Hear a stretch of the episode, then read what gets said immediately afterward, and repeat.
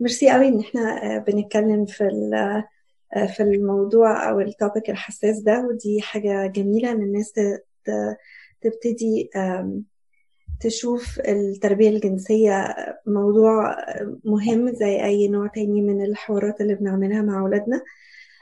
أول مرة خالص اتكلمت في الموضوع ده اتكلمت على ال symptoms إزاي أعرف إن الطفل ده اتعرض لاعتداء. وقلنا إزاي نبقى قادرين نشوف ال symptoms دي سواء هي أعراض جسدية أو نفسية أو في علاقات الطفل بالآخرين.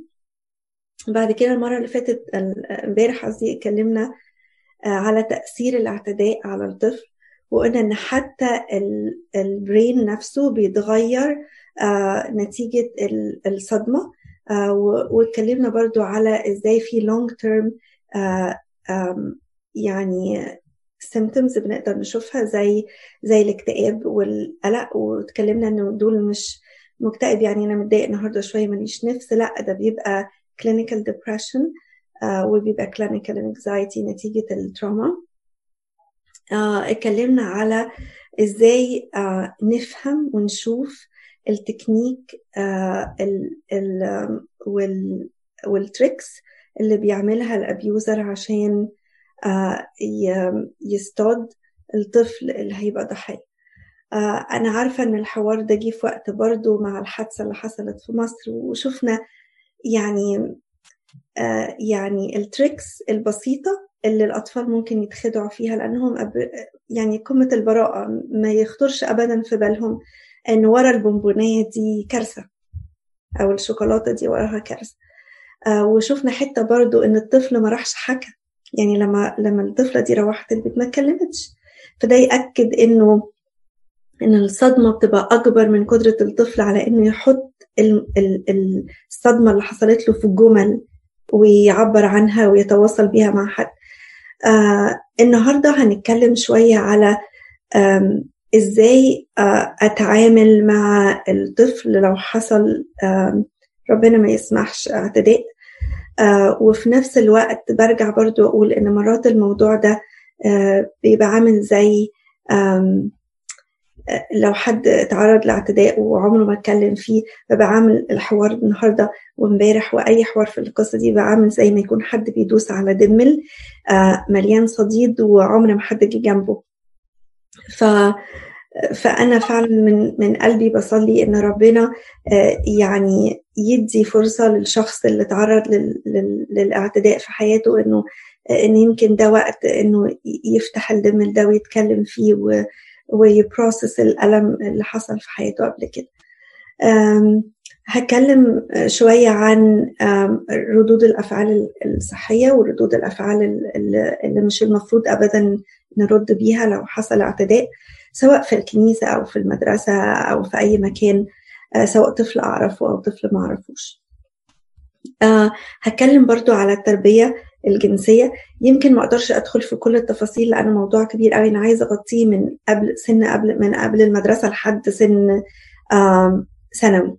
فيمكن ما بقاش قادرة أغطي كل قصه بس هتكلم على كل الاوتلاين بتاعتها. ولو احتاجنا نروح في التفاصيل بتاعتها مرة تانية ممكن نبقى نتقابل مع الخدام مثلا. أو مع المسؤولين اللي هيدوا المواضيع دي in details.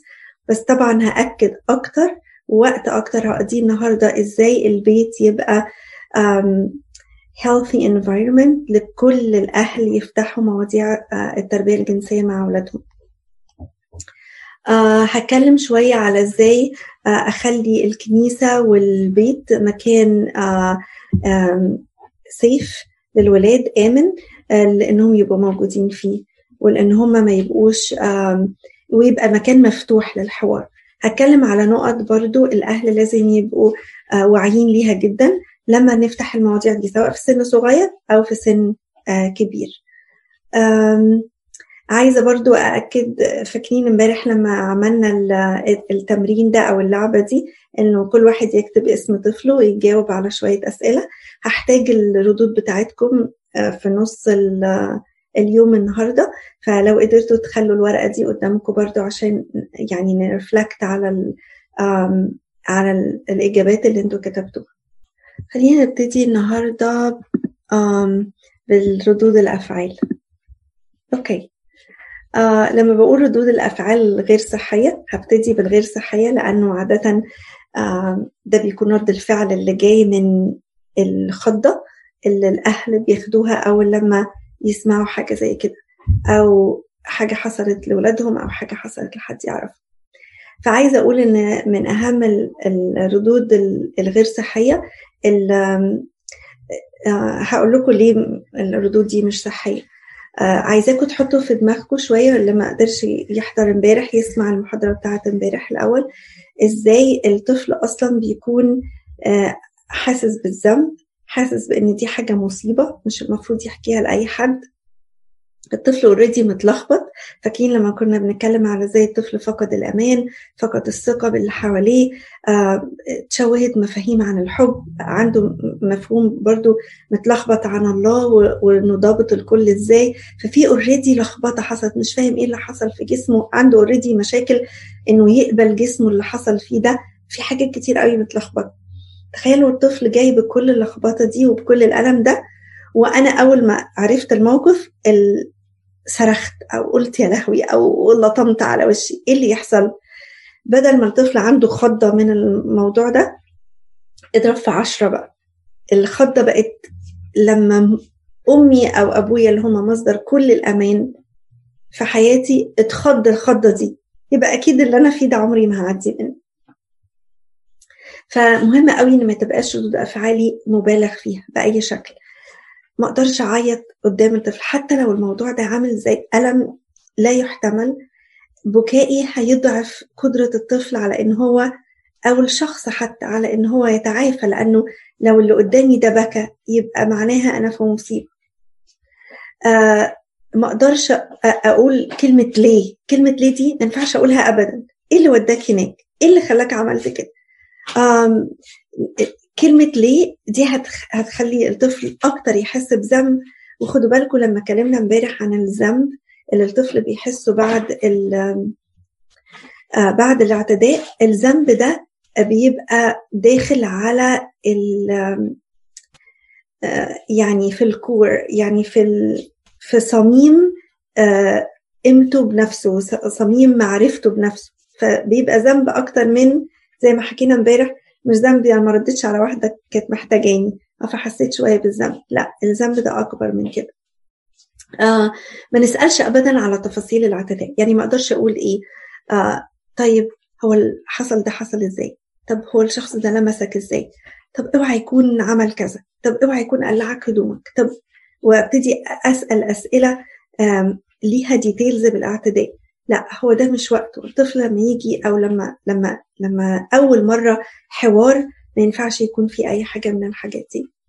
آه ما أقدرش أسأل أنت قلت لحد حد تاني شاف حد تاني عرف لأن ده معناه أنا بعرفه أكتر إنه ده سر وإن دي مصيبة ولو حد تاني عرف بقت فضيحة. فأنا بخل بخلي الطفل يشيل الألم بشكل دائم حتى لما يكبر. آه ما أقدرش آه ما أقدرش أقول له طب خلاص ما تعيطش. أنا ها يعني يعني خلاص أنت دلوقتي في أمان ما تعيطش بقى أو ما تخافش بقى. لأنه لو هو لو الطفل already عنده مشاعر الخوف وعنده مشاعر القلق وعنده مشاعر الحزن وعنده مشاعر اللخبطة هي already موجودة. فلو أنا قلت ما تخافش وما تقلقش يبقى أنا بقلل عليه حقه في إنه يحس المشاعر المتلخبطة دي. ما أقدرش أتكلم عن ربنا في الوقت ده لأنه أنا ما أعرفش إيه اللي في ذهن ربنا. ما أقدرش أقول للطفل إيه طب تعالى نصلي دلوقتي. هو طبعا لازم هنصلي في وقت من الأوقات بس في اللحظة دي وفي الوقت ده مع أول مرة أنا بعرف الاعتداء أو بعرف عنه أو الطفل بيحكي أو الظروف اتوجدت و... و... و... وعرفت ما ينفعش أروح مدخل ربنا في المشهد دلوقتي. لأن زي ما قلت لكم في لخبطة كتيرة بتحصل آه، عن ربنا. آه، ما أقدرش أجمع ناس طب أنا هكلم فلان واكلم فلان واكلم فلان عشان بقى إيه نشوف هنعمل إيه وهنتصرف إزاي. فمش أحسن حاجة في الوقت ده إن أنا أوسع الموضوع وأتكلم مع كذا حد. آه، مهم قوي كمان إن أنا لأن رد فعل مرات بيبقى جاي من قلبنا قوي إن أنا نفسي قوي أحضن الطفل وطبطب عليه. وخاصة لو الموضوع ده اتعرف أو أول شخص الطفل كلمه مثلا حد في مدرسة الأحد أو حد مش أقرب الناس لي مرات أنا ببقى يعني متاح للطفل لو هو عايز يجي في حضني. لكن أصلا ال ال لما بيحصل sexual abuse بيبقى الجسم كله رافض أي حد يدخل في دايرة في الدايرة بتاعتي في فاكرين لما اتكلمنا عن على الحدود. فاصلا بيبقى الجسم عنده رفض لأي نوع من ال intimacy أو الأحضان أو الطبطبة. لأنه خدوا بالكم لما كنا بنتكلم عن المعتدي اتكلمنا زي إن هما بي touch الأطفال كتير قوي. In a nice way. ما فيهاش أي حاجة وحشة ولا أي حاجة جنسية. فاي نوع من ال touch ممكن ي trigger اللي حصل أو الحادثة. إحنا مش عايزين الطفل هو جاي يحكي يبقى بيعيش الصدمة مرة تانية. إحنا عايزين يبقى الوقت ده يبقى وقت هو بياخد فيه نفسه قبل ما يدخل في بروسس تانية للحوار عن الأزمة اللي حصلت. خلينا نروح لإيه بقى الحدود الصحية؟ أيوة دي الحدود الصحية. قصدي رد الفعل الصحي أنا مصدقك. خدوا بالكم. أول حاجة بتحصل لما بيحصل اعتداء الابيوزر بيقول إيه؟ محدش هيصدقك.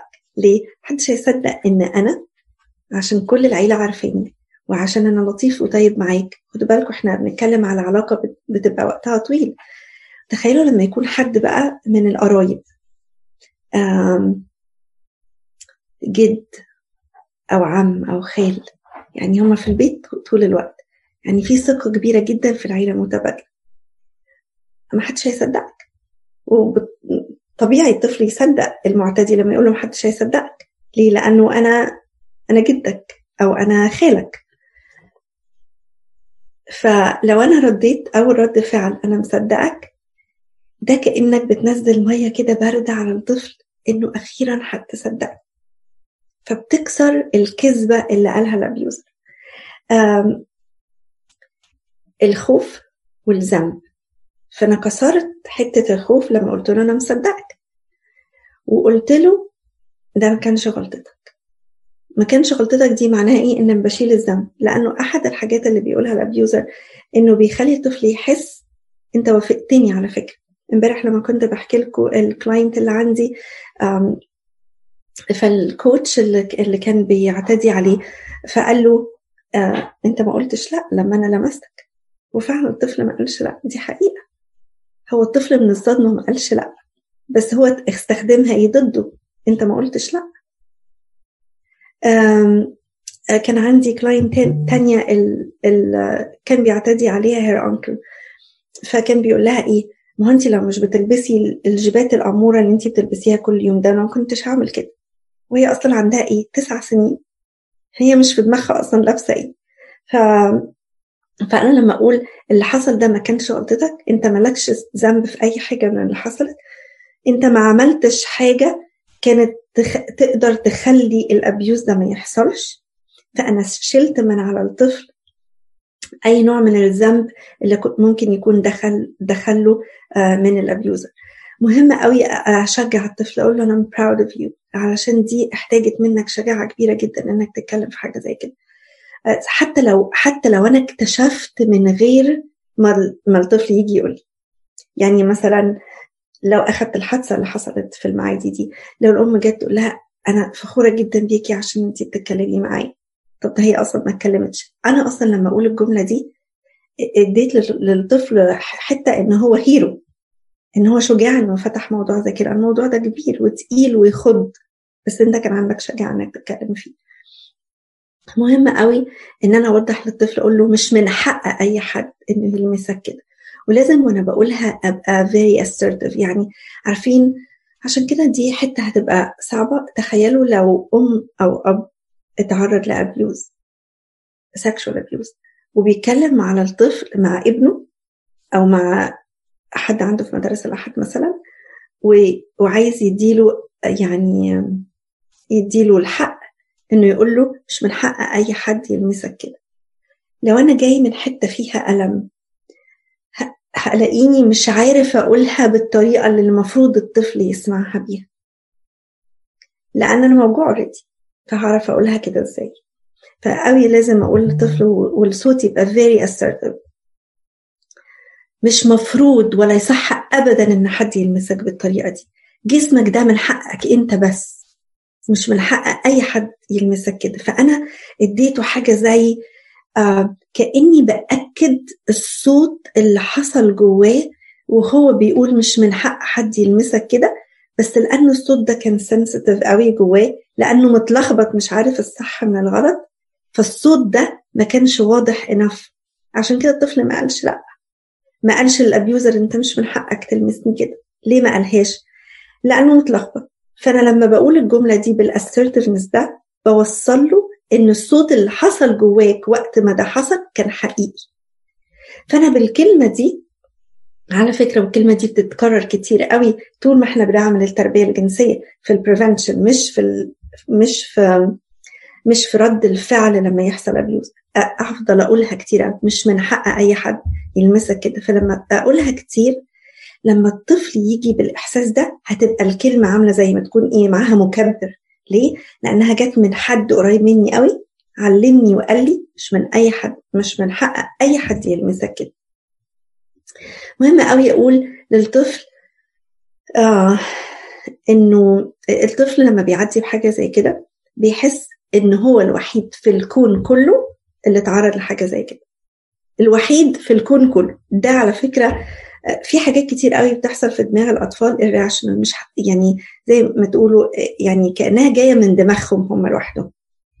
يعني لما ال abuser يقول للطفل أنا هموت مامتك لو أنت قلت. الطفل بيصدقها 100% ليه؟ لأن هو قدرته على إنه يعمل منطق وخاصة أنا بتكلم في السن الصغير. أو مثلا لما لما ال abuser يجي لحد في middle school المفروض العيال دي كبرت وفاهمة أنا هفضحك. هنزل صورتك على الفيسبوك وأنا مصورك عريان. العيال بتصدق رغم إن هو لو عمل لو بالمنطق كده يقول طب هو لو نزلها هينزلها زي طب أنا ما يعني في منطق كتير قوي ورا إنه إنه يكذب اللي بيحصل ده خاصة لو المعتدي حد من العيلة. بس الولاد بيصدقوا قوي جدا الخرافات اللي بيعملها المعتدي. وللأسف كل شوية المعتدين يطلعوا بأفكار جديدة. بس طول ما أنا بزرع بزرع الحقيقة جوه الولاد الصوت ده بيبقى مش من حق حد يلمسك كده. جسمك ده ملكك أنت.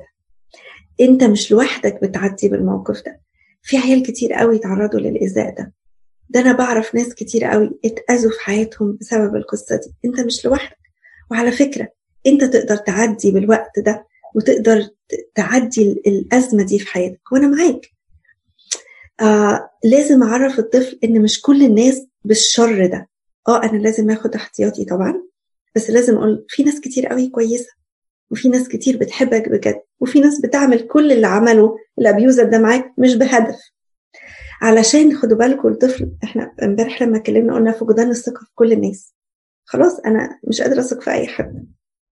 فأنا ردود الأفعال بتاعتي بتعمل زي بتبني زي يعني أرضية أقدر أبني عليها إيه اللي هيحصل بعد كده. البروسس بتاعه التعامل مع الاذى الجنسي بتاخد وقت طويل للأسف يعني.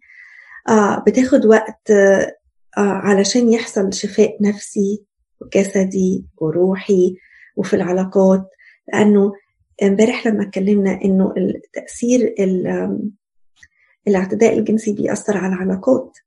خلاص أنا أنا علاقاتي بالناس بتبقى عاملة زي ما تكون الشخص الضحية يعني أو المعتدي مش مش عايزة أقول الضحية المعتدى عليه. العلاقات بتبقى فيها نوع من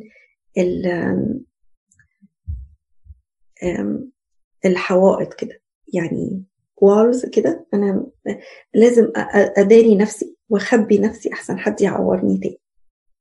فما يقدروش يدخلوا ل very ل intimate relationship ويبقوا فعلا في علاقة حقيقية مليانة حب بسهولة. ليه؟ اتعورت قبل كده. أنا مش هدي نفسي فرصة أتعور تاني. فأنا أفضل يعني حاطط جدار كده أحمي نفسي منه. فبتاخد وقت طويل قوي على ما يحصل شفاء من العلاقات دي. آه. آه. حاجة تانية في ردود الأفعال الصحية دي حاجة في الأكشن بقى. يعني أنا خلاص سمعت الطفل وعرفت رد فعلي بقى إزاي وعرفت إيه اللي ما أقولهوش بس في حاجة في الأكشن بتاعتي. مهم قوي إن أنا ما ما حتى لو في ناس كتير أنا هحتاجهم علشان أكمل ال healing process بتاعت الطفل لازم أحافظ على سرية الحوار. خدوا بالكم الأطفال بتحس قوي يعني أنا مثلا لو لو في طفل في مدارس الأحد وأنا عرفت إن هو تعرض ل abuse. فأنا كان يعني في خطوات لازم أعملها. بس مش لازم أقول لزميلي في مدارس الأحد لأنه ما فيش حاجة صاحبتي في مدارس الأحد هتعملها زيادة. آه، أو لو هقول مش لازم أقول مين الطفل. أنا محتاجة مثلا أعرف آه، محتاجة حد يقول لي إزاي آه، أدور على counselor مثلا لحد عنده sexual اتعرض ل sexual abuse فلو أنا في الكنيسة ومجتمع الكنيسه صغير قوي مش مش لازم أقول أصل فلانة جت حكت لي و... ليه؟ لأنه لو حصل في أي مرة ال... ال... ال Miss التانية دي أو ال... الحد التاني في مدرسة الاحد شاف الطفل والطفل حس إن في نظرة كده مختلفة ليه أنا وجعته أنا أنا أكدت على قصة عدم الثقة اللي هو already بي struggle فيها. فمهم قوي ان احافظ على سرية الحوار. لو أنا عرفت يبقى كفاية أنا. ملهاش لازمة ناس تانية تعرف. لازم أسيب الطفل يحكي بطريقته ويختار كلمات واللي هيحكي بيها. آه سواء صغير أو كبير أو ادلت أو هاي سكول أي عمر. هو يحكي بطريقته. أنا اتفقت إحنا مش هنسأل على تفاصيل. وهيختار الكلمات اللي يعبر بيها عن الحادثة. طيب هو حكى لي النهاردة. وبعد أسبوع حكى لي تاني. حسيت إن في شوية أحداث متلخبطة يعني شوية حوارات كده شوية آه، وصفات متغيرة عن الحكاية بتاعت الأسبوع اللي فات. That's fine. فاكرين امبارح لما اتكلمنا على إنه ال... ال... في جزء في الميموري بتاعه الشخص اللي بيتعرض لأبيوز بيحصل لها زي إيه بتبقى ويك قوي بتبقى ضعيفة لدرجة إنه الطفل أو الشخص عرض لأبيوز مش عارف يلم كل الخيوط بتاعة الحادثة اللي حصل أقول لكم تفتكروها إزاي أو إزاي تختبروا حاجة زي كده. لو حد اختبر مرة حادثة عربية في حتت كده صغيرة في نص الحادثة ممكن ما تعرفش تفتكرها. ممكن تفتكر إيه اللي كان بيحصل قبلها بس في حتت بتلاقيها واقعة كده في في الدقائق بتاعة الحادثة. ليه؟ لأن في جزء زي survival mode كده بيحصل في ال brain عشان أكمل أعدي الكارثة اللي أنا فيها دي. فتخيلوا بقى ده بيحصل بواقع أكبر لما الطفل يتعرض أو الشاب أو حتى adult يتعرض ل sexual abuse لو حكى حاجة النهارده وحاجة مختلفة شوية بكرة وحاجة مختلفة it's okay. مش دي القصة بتاعتنا الشخص ده موجوع والشخص ده ات اتكسرت عنده براءته وثقته وعلاقاته وحاجات كتير قوي وتشوهت مفاهيم كتير فلو اتغيرت تفاصيل القصة it's okay. لأنه المخ ساعتها بيلقط اللي حصل واللي قدر يـ process وحتة تانية بيخبيها وحتة تانية مش قادر يتعامل معاها. وأنا برضو مش هبقى عارفة هو ممكن تبقى الاعتداء حصل كذا مرة فممكن تبقى القصص ال memory فاكراها متاخدة من كذا موقف مش من موقف واحد. آه لو أنا عندي already مخاوف أو لو أنا عندي history من سexual abuse هبقى بسمع الطفل في حتة وأنا عندي فيديو شغال ورا بقصتي أنا. فمهم قوي وأنا علشان كده مهم لو أنا هشتغل أو هبقى من ضمن التيم اللي هيتكون في الكنيسة عشان أسبورت الولاد أو أخدم في في الخدمة دي أنا لازم أكون اشتغلت على نفسي لو أنا عندي مخاوف معينة أو لو تعرضت لحاجة ليها علاقة بال sexual abuse واتكلمنا قبل كده إن ال sexual abuse ما هواش بس الأكشن بتاع ال intercourse اللي بيحصل ما بين المعتدي والمعتدى عليه بس ممكن تكون صورة. شفت فيلم في سن وأنا صغير حد لمسني بس اللمس حتى من غير ما يكون complete sexual abuse. ممكن تكون حاجات كتير قوي وبحطها تحت مسمى الاعتداء أو الايذاء الجنسي. لو الطفل جه فبيحكي معايا وأنا في حاجة شغالة في دماغي عن مخاوفي أنا أو عن قصتي أنا أو عن آه مرات ممكن نسمع وأنا مخي راح بقى قدام. يعني إيه قدام؟ يعني مثلا آه آه يعني مثلا كان في آه واحدة بتتكلم معايا عن آه إنه حصل abuse من ال counselor بتاع المدرسة لابنها في في camp من ال camp من ال camps بتاعت المدرسة. فهي بتسمع ابنها ومخها كله راح في حتة تانية خالص. راح المدرسة هيحصل فيها إيه؟ طب ده هيبقى فيه investigation طب ده العيال ده الولد ده هيتفضح ابني هيتفضح. طب ده الكونسلر ممكن عشان يبرأ نفسه يفضح ابني. هي بقى ابنها ابنها بيحكي معاه بس هي مخها فين؟ اللي هيحصل بكرة وايه اللي هيحصل بعده هيحصل إيه في المدرسة وهيحصل فمهم قوي أبقى present. يعني الطفل بيحكي أنا بكل كياني بصغي. يعني بسمع كل كلمة بيقولها بسمع الجمل اللي مش بيقولها. بشوف جسمه بيرد إزاي لأن مرات العيال تبقى بتحكي حاجة وتلاقيهم رجليهم بتشيك ويقرقدوا في ضوافرهم. أبقى أنا شايفة هو كل كيانه بيحكي إزاي. ف ردود الأفعال مهم قوي رد فعلنا العيال بتلقطه وبتحس قوي.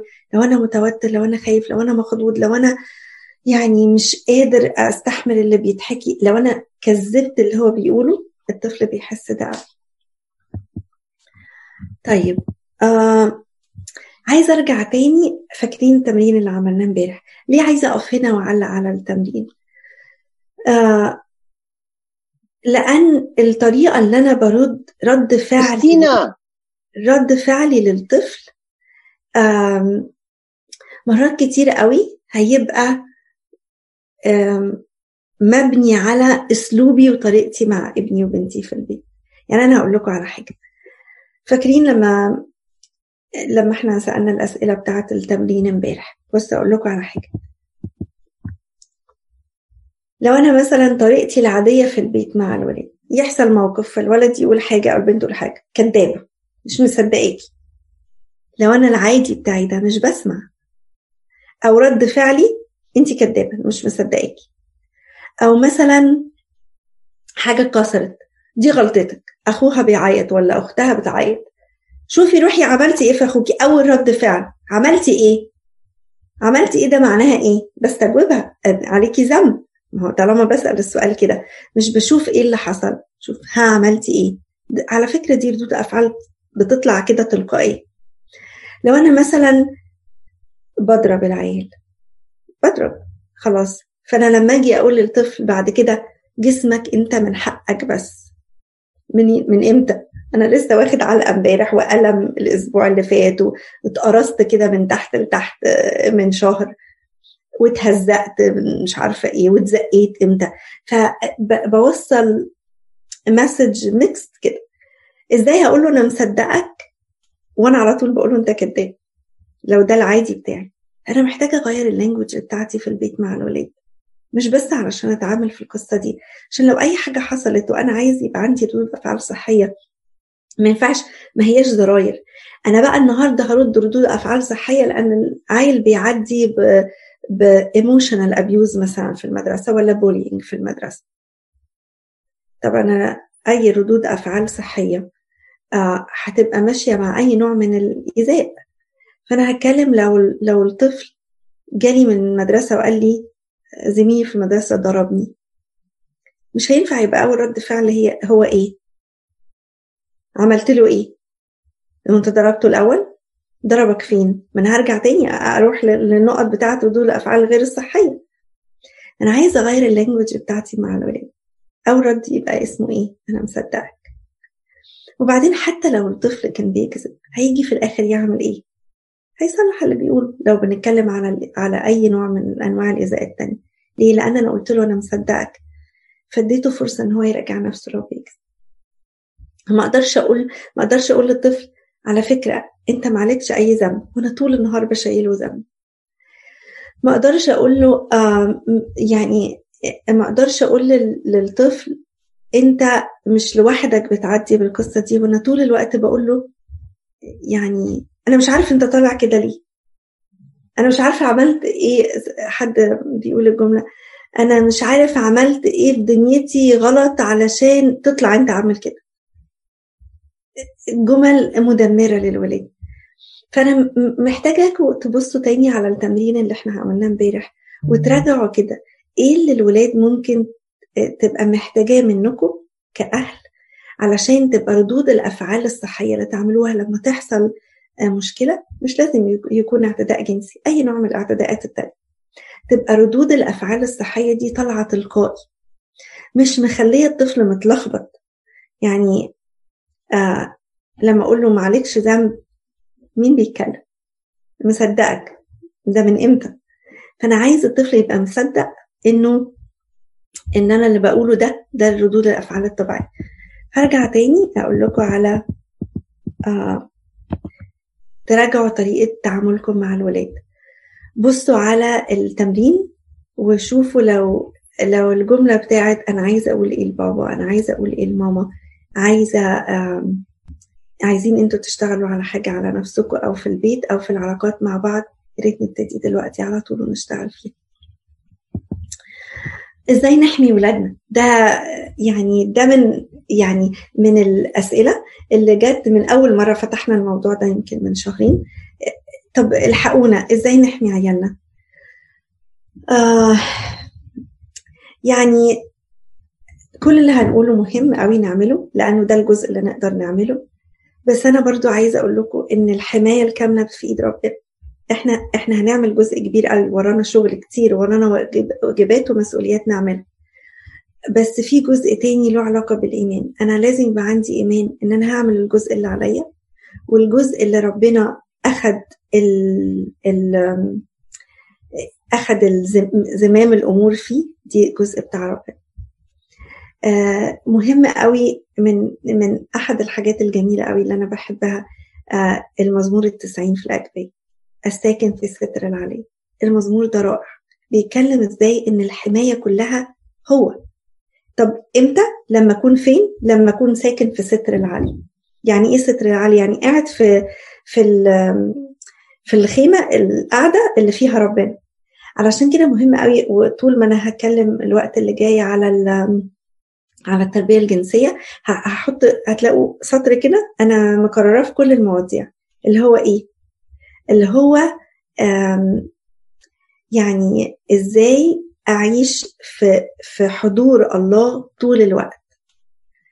طول الوقت كان في كتاب قديم قوي يعني لو شفتوه هتلاقوه على امازون ب 2 دولار مثلا اسمه practice the presence of God. إزاي الواحد يـ practice إنه يبقى قاعد في حضور الله طول الوقت. لو البيت كله كده خلاص أنا مطمن أنا قاعد في ستر العلي واقروا المزمور وقروا للولاد وصلوه وحطوا أسماء الولاد فيه. ليه؟ لأنه هي دي الحماية الأساسية. آه علينا دور لازم هنعمله. بس في فرق ما بين إن أنا يبقى عندي إيمان إن ربنا هو اللي شايل القصة دي وأنا هعمل الدور اللي عليا ويبقى الدافع بتاعي وأنا بتعلم إزاي أحمي ولادي دافع القلق. لأن هيخلي حتى وأنا بحكي للولاد وأنا بحذرهم أو بعلمهم هبقى عندي يعني صوت ودافع في رعب. امبارح كنت بتكلم مع حد من الجروب بيقول الدافع بتاعي رعب. okay هيوصل للولاد. فبدل ما أخلي الولاد عندهم ثقة في نفسهم أبقى أخليهم ماشيين عاملين إيه متوترين. عارفين الايه اللي بتقول إيه؟ لا تتلفت لأني إلهك لا تخف وبعدين لا تتلفت. ليه؟ لأن الخايف بيبقى ماشي إزاي؟ بيلف كده على نفسه. ليه؟ لأنه متوتر. أنا مش عايزة وإحنا بنتكلم على موضوع الحمايه ده يبقى الدافع قلق لا الدافع إيه؟ يا رب أنت في إيدك الأولاد دول ولادك أنت تحميهم. والجزء التاني عليا أنا هعمله. طيب عايزة برضه أروح أقول على الإمكانيات بتاعتي والحدود. طيب أنا إمكانياتي إيه؟ هعلم الولاد هنصحهم آه هفتح باب للحوار مفتوح في البيت في أي وقت. ده الإمكانيات بتاعتي. طب الحدود إيه؟ أنا مش هقدر ألف وراهم في كل حتة. هتجن أنا لو في ثلاث عيال في البيت وأنا عندي دافع فيه قلق ورعب ده أنا هتجنن. هبقى بروح من كان عندي ام بتتكلم معايا تقول لي أودي ولد التمرين والبنت في تمرين تاني والتمرين ساعتين تقول لي أقعد نص هنا وأروح للتاني نص هناك وبعدين أرجع نص هنا ونص هنا يكون مكانين مش بعاد عن يعني مش قريبين من بعض. يعني مثلا إيه لازم تاخد هاي واي وتاخد مثلا 20 minutes. يعني هي أصلا مقضية الساعتين رايح راجع في في السكة. ليه؟ لأن في قلق. آه طبعا المفروض إن إحنا نبقى بناخد بالنا ونحمي عيالنا لكن أنا عندي حدود. أنا مش هقدر أبقى يعني ب ب يعني بطلع فوق راسهم وآخد بالي وأشوفهم فين وبيعملوا إيه. آه لأ لازم أبقى عارف حاجات لكن أنا كمان عندي حدود. وساعة لما الحدود بتاعتي تبقى خلصت أروح مسلمه وأقول يا رب أنا عملت الجزء اللي أقدر عليه انت عليك الباقي. برضه حتة كده عايزاكم أنتوا يعني تبقوا واعيين ليها. عايزه أعرف القلق لو حد الدافع بتاعه ورا حماية عياله القلق مهم قوي أقعد أعرف القلق ده جاي منين. إيه الجدر بتاع القلق ده؟ هل حاجة حصلت ليا؟ هل حاجة حصلت لحد أعرفه؟ هل حاجة أنا شفتها أو أو سمعتها زودت القلق. عايز أعرف ده, ده ليكوا أنتوا. تعرفوا جدر القلق الزايد ده جاي منين. لازم يبقى ليها طلعة كده جت منين الحتة دي. ومهم قوي. يعني مهم قوي نحط ايدنا على القلق والخوف ده أو الرعب. وأنا. بقدم الحماية دي اللي على قدي. اللي عيالي جت منين. آه أوكي هبتدي أتكلم على آه إمتى بتبتدي التربية الجنسية؟ يعني من من أنهي مرحلة؟ آه فاكرين امبارح لما اتكلمنا على آه بعض ال ال ال الأساطير يعني أو الأفكار اللي مش صح تقول لا لا أنا مش عايزة أتكلم مع العيال في حاجة زي كده أنا هفتح مخهم وهيتكلموا في إيه ونقول الحاجات دي إزاي؟ فأنا عايزة أقول لكم إن السن الذهبي طبعا في السنة السنة الأولى أو السنتين الأولانيين هديكم بيزك اندرستاندينج ليهم. بس السن الذهبي علشان أبتدي التوعيه من سن ثلاثة لخمس سنين. طبعا الناس تقول صغيرين قوي بس أنا أقول لكم إزاي السن ده مهم. بعدين في مرحلة تانية من ستة لتسعة وبعدين في مرحلة تانية للمراهقة. تعالوا نبتدي نتكلم على السنة الأولى أو إيه اللي بيحصل في السنة الأولى؟ اللي أنا عايزة أبنيه وأسسه في سن الأطفال.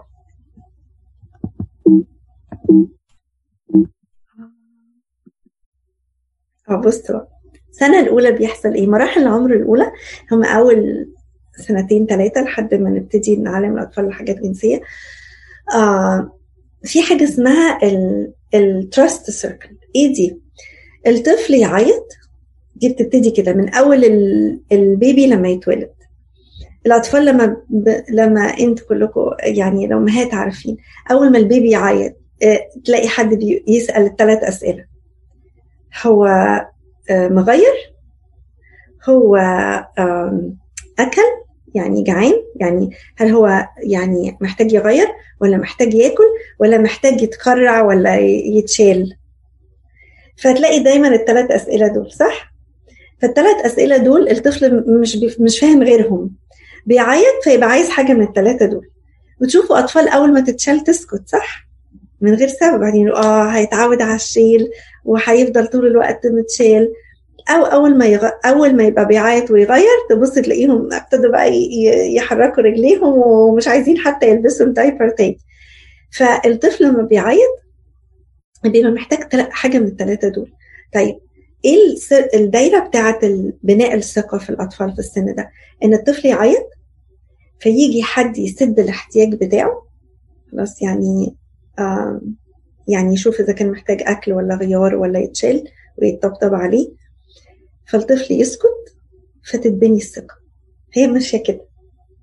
يعيط حد يشوف الاحتياج بتاعه يبطل عياط لما ياخد احتياجه تتبني الثقة. طب إمتى بتتكسر الثقة؟ تتكسر الثقة لما الطفل يعيط محدش يسأل فيعيط كمان فيعيط كمان. شفتوا أطفال كتير أو سمعتوا على قصة إن الأطفال ممكن تعيط لحد ما تسكت أو تعيط لحد ما تنام. ليه؟ خلاص ما هو محدش وفى الاحتياج بتاعي ففضل يعيط يعيط يعيط وبعدين نام. إيه اللي بيحصل هنا؟ بتتكسر الثقة. خلاص هيفضل يعيط محدش يرد كسر الثقة. عملوا على ال physical touch والطبطبة آه، كان آه، كان في يعني زي theory كده زمان آه، عملها واحد اسمه Bowlby وطبعا هي كان فيها زمان مشكلة لأنه كانوا بيجربوا حاجة غريبة قوي كانوا بيجيبوا الأطفال لسه مولودين يدوهم ببرونة من غير ما يلمسوهم. يعني يدوهم الببرونة كده في السرير بتاعهم من غير ما يشيلوه وأطفال تانية يشيلوها ويطبطبوا عليها ويدوها فلقوا إن الأطفال اللي بتاخد الببرونة دي من غير لمس شبه بتموت. بتموت؟ ليه؟ لأنه اللمس ده حاجة أساسية جدا. فأنا بتكلم على مراحل العمر الأولى قد إيه تسديد احتياجات الأطفال. مهم جدا. آه التاتش مهم جدا. لما بتحصل sexual abuse قبل ثلاث سنين بيحصل دامج أكبر بكتير قوي من إنه يتعالج. ليه؟ لأن الطفل كمان مبقاش عنده access للميموري بتاعته عشان يحكي ولا حد يقول له I'm supporting you ما يهمكش أنا معاك we gonna go through it together. ما فيش حد ما هو مش عارف يعني ما فيش أي حاجة يعني يقدر يفتكرها فيبروسس ده. الأطفال بتعرض لاعتداءات جنسية في السن الصغير ده. بيحصل إن جسمهم هو اللي بيبقى فاكر الشوك اللي حصلت دي الجسم نفسه. ونتيجة ده بيفقد التاتش بتاع يعني إنك تقرب من طفل أو تطبطب عليه بيبقى عامل زي ما يكون بتطبطب على خشبة ما بيحسش خالص. من أصعب ال cases للعلاج اللي بيتعرضوا ل sexual abuse قبل سن ثلاث سنين. من أصعب العلاج. لأنه لأنه ما بيبقاش في حاجة بيقدر الطفل يـ process غير كلها حاجات related لل body نفسه. يعني الجسم نفسه هو اللي بي suffer أكتر. آه... أوكي هنروح للتربية الجنسية. هنروح لسن ما قبل المدرسة. السن ده اللي هو آه من ثلاثة لخمسة آه، اللي هو السن الذهبي للتربية الجنسية. آه، ده اللي بعلم الأطفال فيه أنواع اللمس. بقول لهم إيه هي أنواع اللمس؟ وأنا بحكي على أنواع اللمس مش بقول لمسة حلوة ولمسة وحشة أنا بقسمهم أكتر من كده شوية. بقسم لمسة حلوة يعني الطبطبة وال وبدي الأطفال أمثلة لده.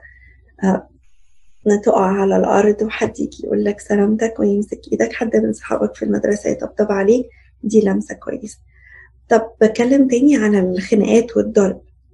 بقول على الإيد دي لمسة مش صحية دي لمسة مش بتخليني مبسوط. فبحط الضرب برضو ضمن اللمسات علشان لما أحط لمسة حلوة آه، أو لمسة صحية وأحط لمسة آه مش صحية واحط فيها ال abuse بشيل جزء الضرب بخلي الولاد قابلين إنهم يتضربوا لأن طالما هي مش sexual abuse يبقى مش وحشة يعني. فيقبلوا إن هم يتضربوا. فدايما أحط العنف آه، كنوع من أنواع اللمس وإزاي الطفل يبقى قادر يـ validate ال feelings بتاعته لما يبقى حاسس إنه متضايق أو غضبان إن حد ضربه.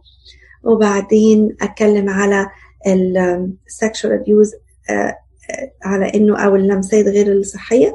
ودايما لما باجي أتكلم على سن ما قبل المدرسة ده آه برسم صورتين ودي الأهل ممكن يعملوها في البيت. يجيبوا صورتين لولد وبنت لابسين مايوهات. ودايما أقول على ال private parts هي الأجزاء اللي مخبيها المايو. آه فيبقوا عارفين إنه يعني إيه لمسة مش كويسة يعني حد يلمسني في المكان ده. دايما بعلم الأطفال في السن الصغير ده مفيش exception يعني إيه؟ ودايما أقول للأهل كده. ما ينفعش توسع ال exception يعني مامي هتحميك sure وبعدين؟ بس لو خالته هنا ممكن تحميك برضه. وتيتا okay بص بنت عمتك بقى اللي هي الكبيرة ماشي برضه ممكن تحميك. كده أنا وسعت الدايرة قوي. فالأطفال في السن ده ما يفهموش قوي مين في الدايرة ومين بره الدايرة. فأنا بخلي في السن بتاع قبل المدرسة وست سبع سنين مفيش اكسبشن ماما بس هتحب. Uh, or uh, بابا بس هيحب. Done. One person. ليه؟ علشان لما بوسع الدايرة أنا بخلي الطفل يبقى confused. فأنا لازم يبقى عندي تركيز. سنه ما, يحم... ما يقدرش. يقول this is a safe person and this is not. ما يقدرش يعمل الجادجمنت ده. ده لسه ثلاث خمس ست سبع سنين. بعلم الأطفال تقول لأ. وبعمل بشجع الأهل قوي على اللعبة دي يعملوها في البيت لو عندكم أطفال صغيرين لحد ست سبع سنين. نرسم الرسمة بتاعت المايو دي وأقعد الولاد أدربهم يعني أقول لهم أوكي ال ال أي منطقة تحت المايو ما ينفعش نلمسها. وبجيب آه مش بستخدم إيدي ابدا آه ممكن أستخدم أي حاجة تانية. أنا بستخدم المعلقة الخشب واركب عليها جوانتي أو ب... أو لو معلقة خشب بس. وبعدين أحط وبعدين أجرب ألمس الطفل بأخده في أوضة. يعني ده لازم ال deal ده اللعبة دي تتعمل والأب والأم يعملوها سوا. فمثلا الام هتاخد الطفل في الأوضة وتقول له خلاص إحنا اتفقنا دي ال private parts محدش يقدر يلمسها. okay? okay. بعدين أنا أول ما هاجي ألمسك والمس يعني جزء من ال private parts بتاعتك. أنا عايزاك تقول no no. أو تقول لأ أو تقول stop أو تقول هقول للماما يعني اختار أنهي واحدة هيقولها. ف وبعدين بابي واقف في الأوضة الثانية أو في آخر الصالة أو في الدور اللي فوق. أنتوا شطارتكم بقى. أنا عايزة عايزة بابي أو مامي whoever واقف بره يسمع وأنت بتقول لأ. أو يسمع وأنت بتقول هقول للماما أو يسمع وأنت بتقول ستوب whatever الكلمة اللي هنتفق عليها. وبعدين نقعد بقى نعمل اللعبة دي وعايزه أشوف شطارتك.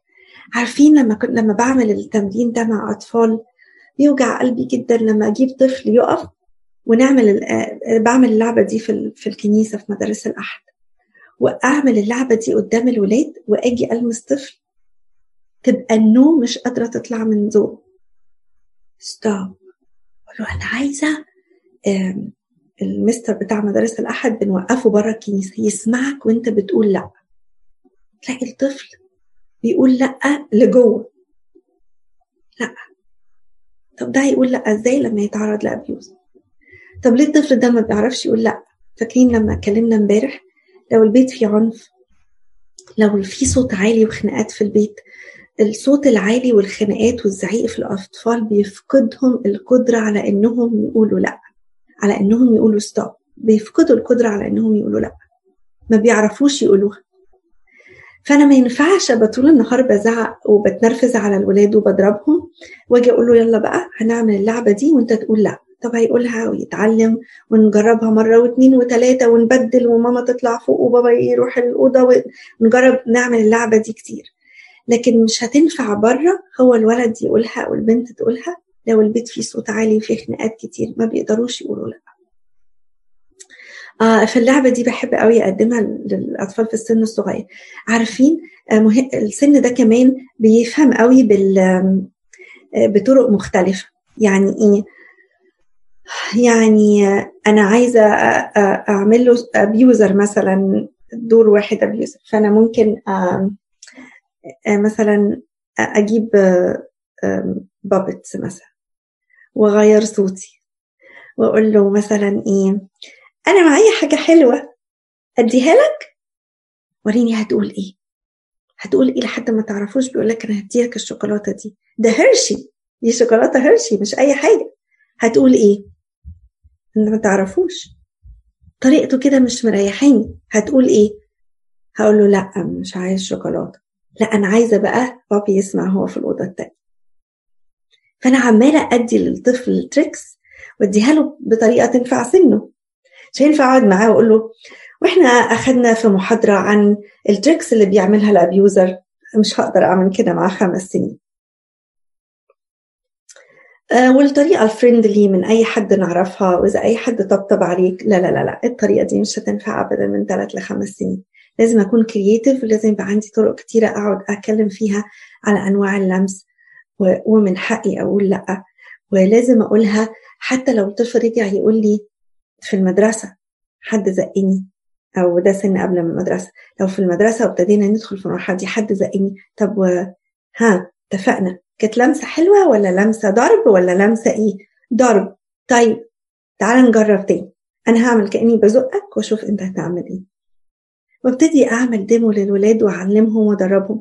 وهدخل تاني برضو في المرحلة بتاعت أول المدرسة على على خلونا نروح لها دلوقتي. سن المدرسة. آه، سن المدرسة في حتة كده بتدخل جديدة وهي الاثوريتي السلطة. المدرس بقى يعني واقف من حتة أعلى صح؟ فالمدرس واخد شكل ال ال يعني فيها نوع من ال different between ال ال ال السلطة وأنا أقل. لازم. مدرس. يعني المدرس ده العيال بتحترمه كتير قوي. فأنا عايز أوري للطفل إنه من حقه يقول لأ حتى لو السلطة أعلى. من طفل لما تديله بقى قصص في سن سبيشالي في سن المدرسة. المرحلة الأولى والثانية اللي هي أولى ابتدائي وثانية ابتدائي المرحلة دي. دايما أدي للولاد سيناريو سيناريو زي إيه؟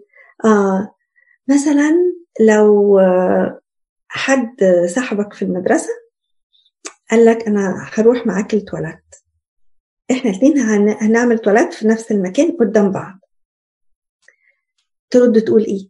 فأنا أنا بعمل له سيناريو وبعرف هو يقدر يقول لأ ويبقى فاهم إن ده مش من حقه وإن دي عكس ال privacy فأنا. هعمل كده طب لو المدرس قال لك خبط على الباب وانت بتعمل تواليت وقال لك أنا عايزة أدخل الأوضة هتلاقوا العيل مش عارف يرد ليه؟ لأنه ده المدرس. وهنا بتيجي حتة السلطة اللي بيستغلها الأبيوزر في أثناء الاعتداء ليه؟ لأنه لأنه عارف إن الطفل مش هيقدر يقول لأ علشان الفرق ده. فدايما وأنا بعلم الطفل في على التربية الجنسية في المراحل في المراحل بتاعة المدرسة دايما أجيب سيناريو ليها علاقة بفرق السلطة والسيناريو دي قصص بقى نألفها قصص. نقعد نحكي فيها للصبح وأعمل آه لما الطفل يجي لي بقصة أنا أرد كمان يمكن تاني يوم بقصة مشابهة عشان اوريله إن اللي أنت عملته امبارح كان صح أو لو هو ما قدرش يعمله من غير ما ألومه أديله قصة شبهها تاني يوم علشان أأكد على فكرة من حقك تقول لأ أو أي سكة أنا واخدها وأنا بعمل التربية الجنسية دي. آه، في اول سنة من من المدرسة آه، بتكلم على الحدود. الحدود سهلة قوي إن أنا بعلمها للأطفال إن الحدود بتاعتي بتبقى على قد ايد يعني أعمل إيد كده وألف. أي حد دخل جوه منطقة الإيد دي بقت دي البرايفسي بتاعتي هو دخل في الدايرة بتاعتي. عارفين ال hula hoop؟ بعمل بيها قوي لعبة بحط ال hula hoop وأوقف فيها الولاد وأخلي الولاد يقولوا حتى في البيت ممكن تتعمل. آه ال hula hoop دي هتلاقوها في dollar store. آه تتحط على الأرض في البيت وكل واحد يقف في, في واحدة من ال hula hoop دي وابتدي اتكلم على ال boundaries طب أنا عايزة أروح لل hula hoop بتاعت مامي أعمل إيه؟ أروح عند مامي أقول لها ممكن أدخل في الدايرة بتاعتك؟ ممكن مامي تقول لي لأ. ولازم نبتدي نتعلم إحنا كمان نقول لأ عشان تعرف تقول لأ. لكن لو الطفل عايز يجامب عندي يقول لأ أنا مش عايزة أي حد في الدايرة بتاعتي دلوقتي. فالطفل يبقى عارف إن أنا من حقي أقول لأ لو حد عايز يجي في الدايرة بتاعتي. ببتدي أتكلم في المرحلة دي على إن ربنا خلقني. ولما بتكلم على ربنا خلقني بكل أجزاء فيا عايزة قوي أركز على حاجات تانية. إنه ربنا خلق شعري باللون ده ولون عينيا باللون ده وربنا قصد إنه ودني تبقى شكلها كده ومناخيري تبقى عاملة كده. وأقعد أدخل في التفاصيل بتاعة ربنا خلقني إزاي. وممكن أفتح الإنجيل. هم الولاد مش هيبقوا يعرفوا يقروا يمكن وهم عندهم أول سنة في المدرسة أو بيعرفوا يقروا شوية. بروح فاتح الإنجيل وأقعد أقول إيه إن ربنا لما خلق الحياة كلها يعني في الخليقة راح ربنا قال إيه ليكن نور كلمة واحدة. فكان نور. وقال آه ليكن ليل وليكن نهار ليكن أرض ويابسة بكلمة واحدة. لكن كانت قصة كبيرة قوي هو بيقرا وهو بيخلق آدم. خدوا بالكم في حاجتين أنا محتاجاهم يبقوا معايا طول الوقت وأنا بدخل في المواضيع دي. لازم يبقى إنجيلي مفتوح جنبي. لأنه أنا المرجعية بتاعتي الكتاب. حتى لو أنا بحكي على حاجات بسيطة جدا كل حاجة ليها مرجعية في الكتاب. حاجتين الكتاب يبقى مفتوح ولازم أشرك الله في أي حاجة وأنا وأنا بعمل التربية الجنسية. فأنا جيت أتكلم على ربنا خلقني. دايما لما أتكلم على لو أنا هدخل وأتكلم على ال private parts وأتكلم على أجزاء الجسم لازم أعمل أجزاء الجسم بطريقة علمية. ما ينفعش أقول ما ينفعش أقول الألفاظ الكومن ولا الدرجة ولا ال يعني ال يعني ال الكلمات اللي بتتقال على الأجزاء التناسلية. بطريقة درجة أو بطريقة يعني الكومن دي ما ينفعش أستخدمها ابدا وأنا بتكلم مع الولاد في التربية الجنسية. لازم أستخدم ألفاظ علمية. آه فيعني وأرجع للكتاب. ربنا لما جه يخلق آدم ده كانت قصة بقى.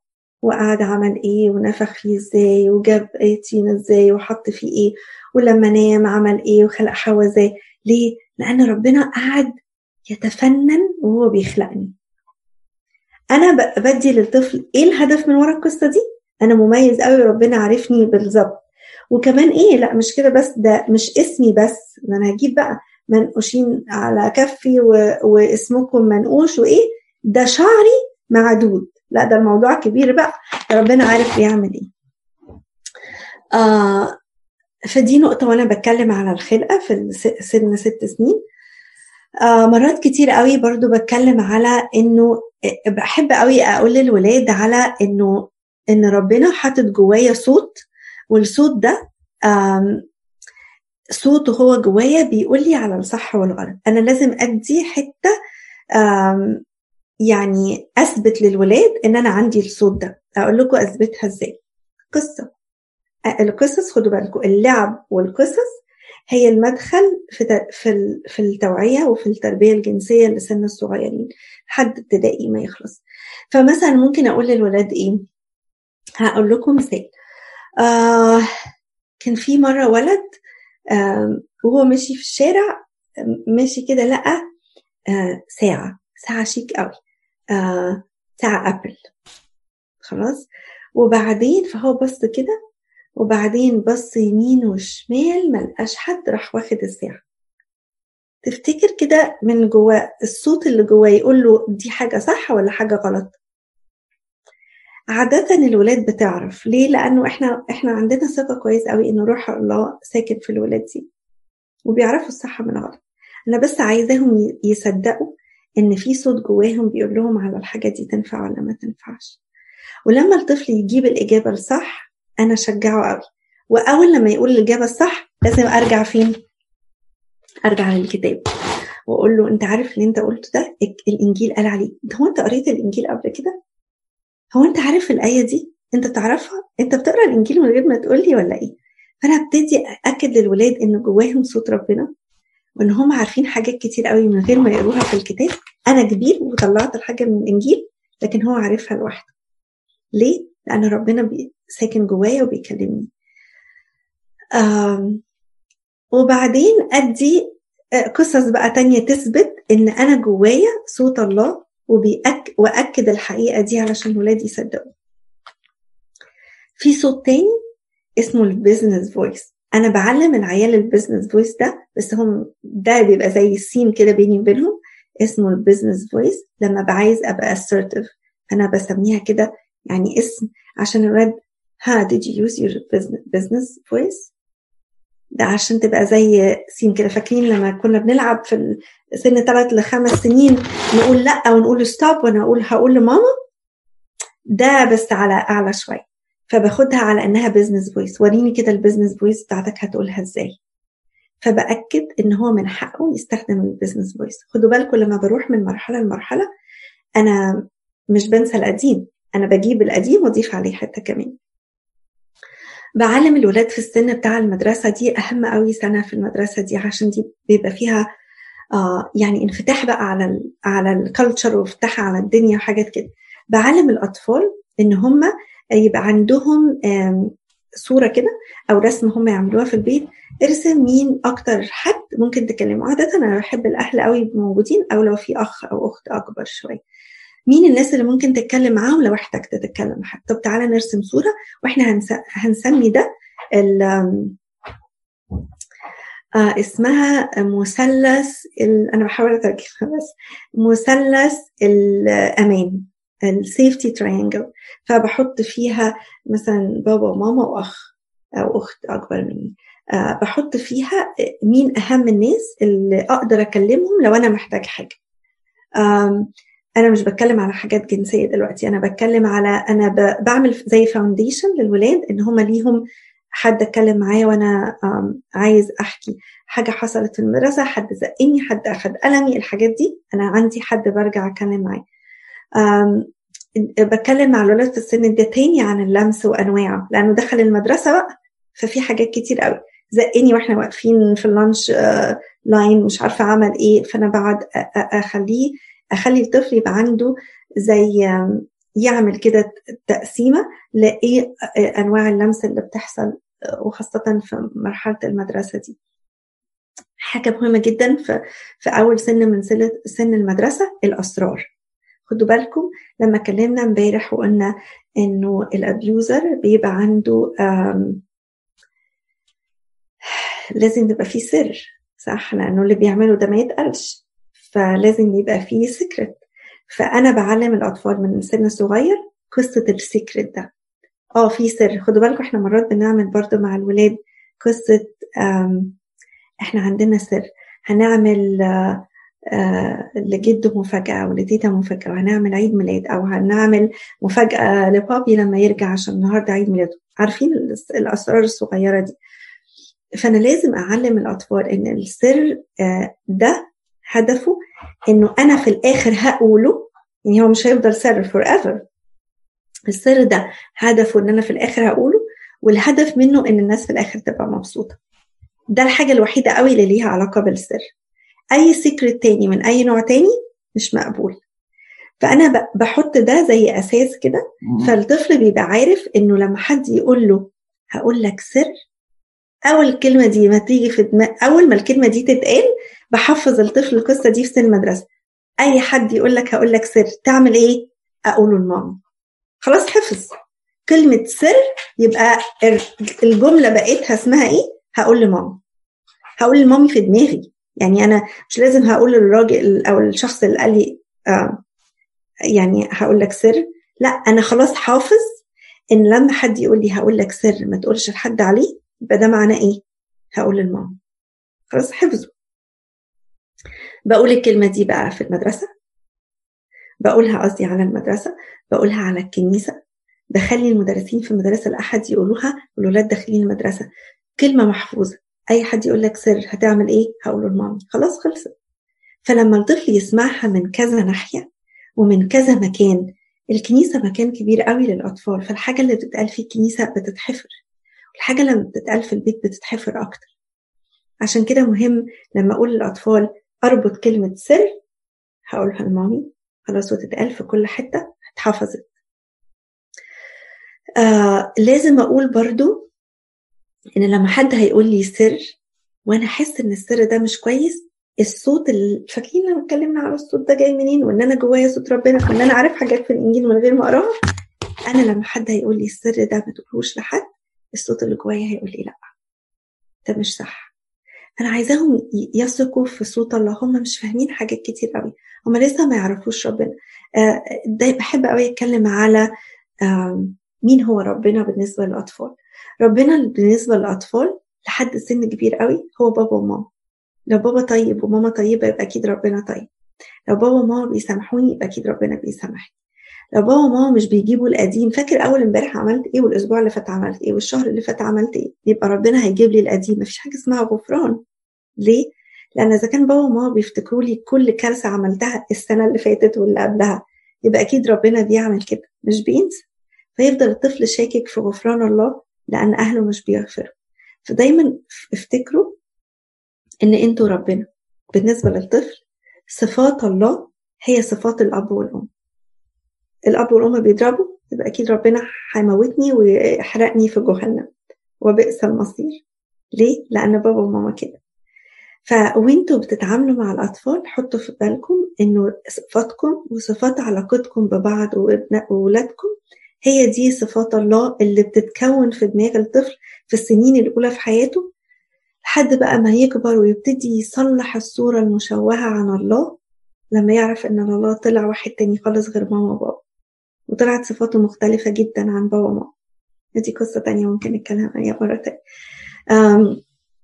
لازم أتكلم على قصص عشان أختبر تأثير السلطة على الولاد. طب okay إحنا اتعلمنا دلوقتي دي حدود بتاعتي بتاعت الإيد دي لفة أو ال hula hoop اتكلمنا عن أنواع اللمس اتكلمنا على من حقي أقول لا اتكلمنا على الأسرار. طيب هعمل بقى قصص في السن الأول المرحلة الأولى والثانيه دي علشان أشوف طب لو المدرس قال لي هقول لك سر وما تقولهوش لحد.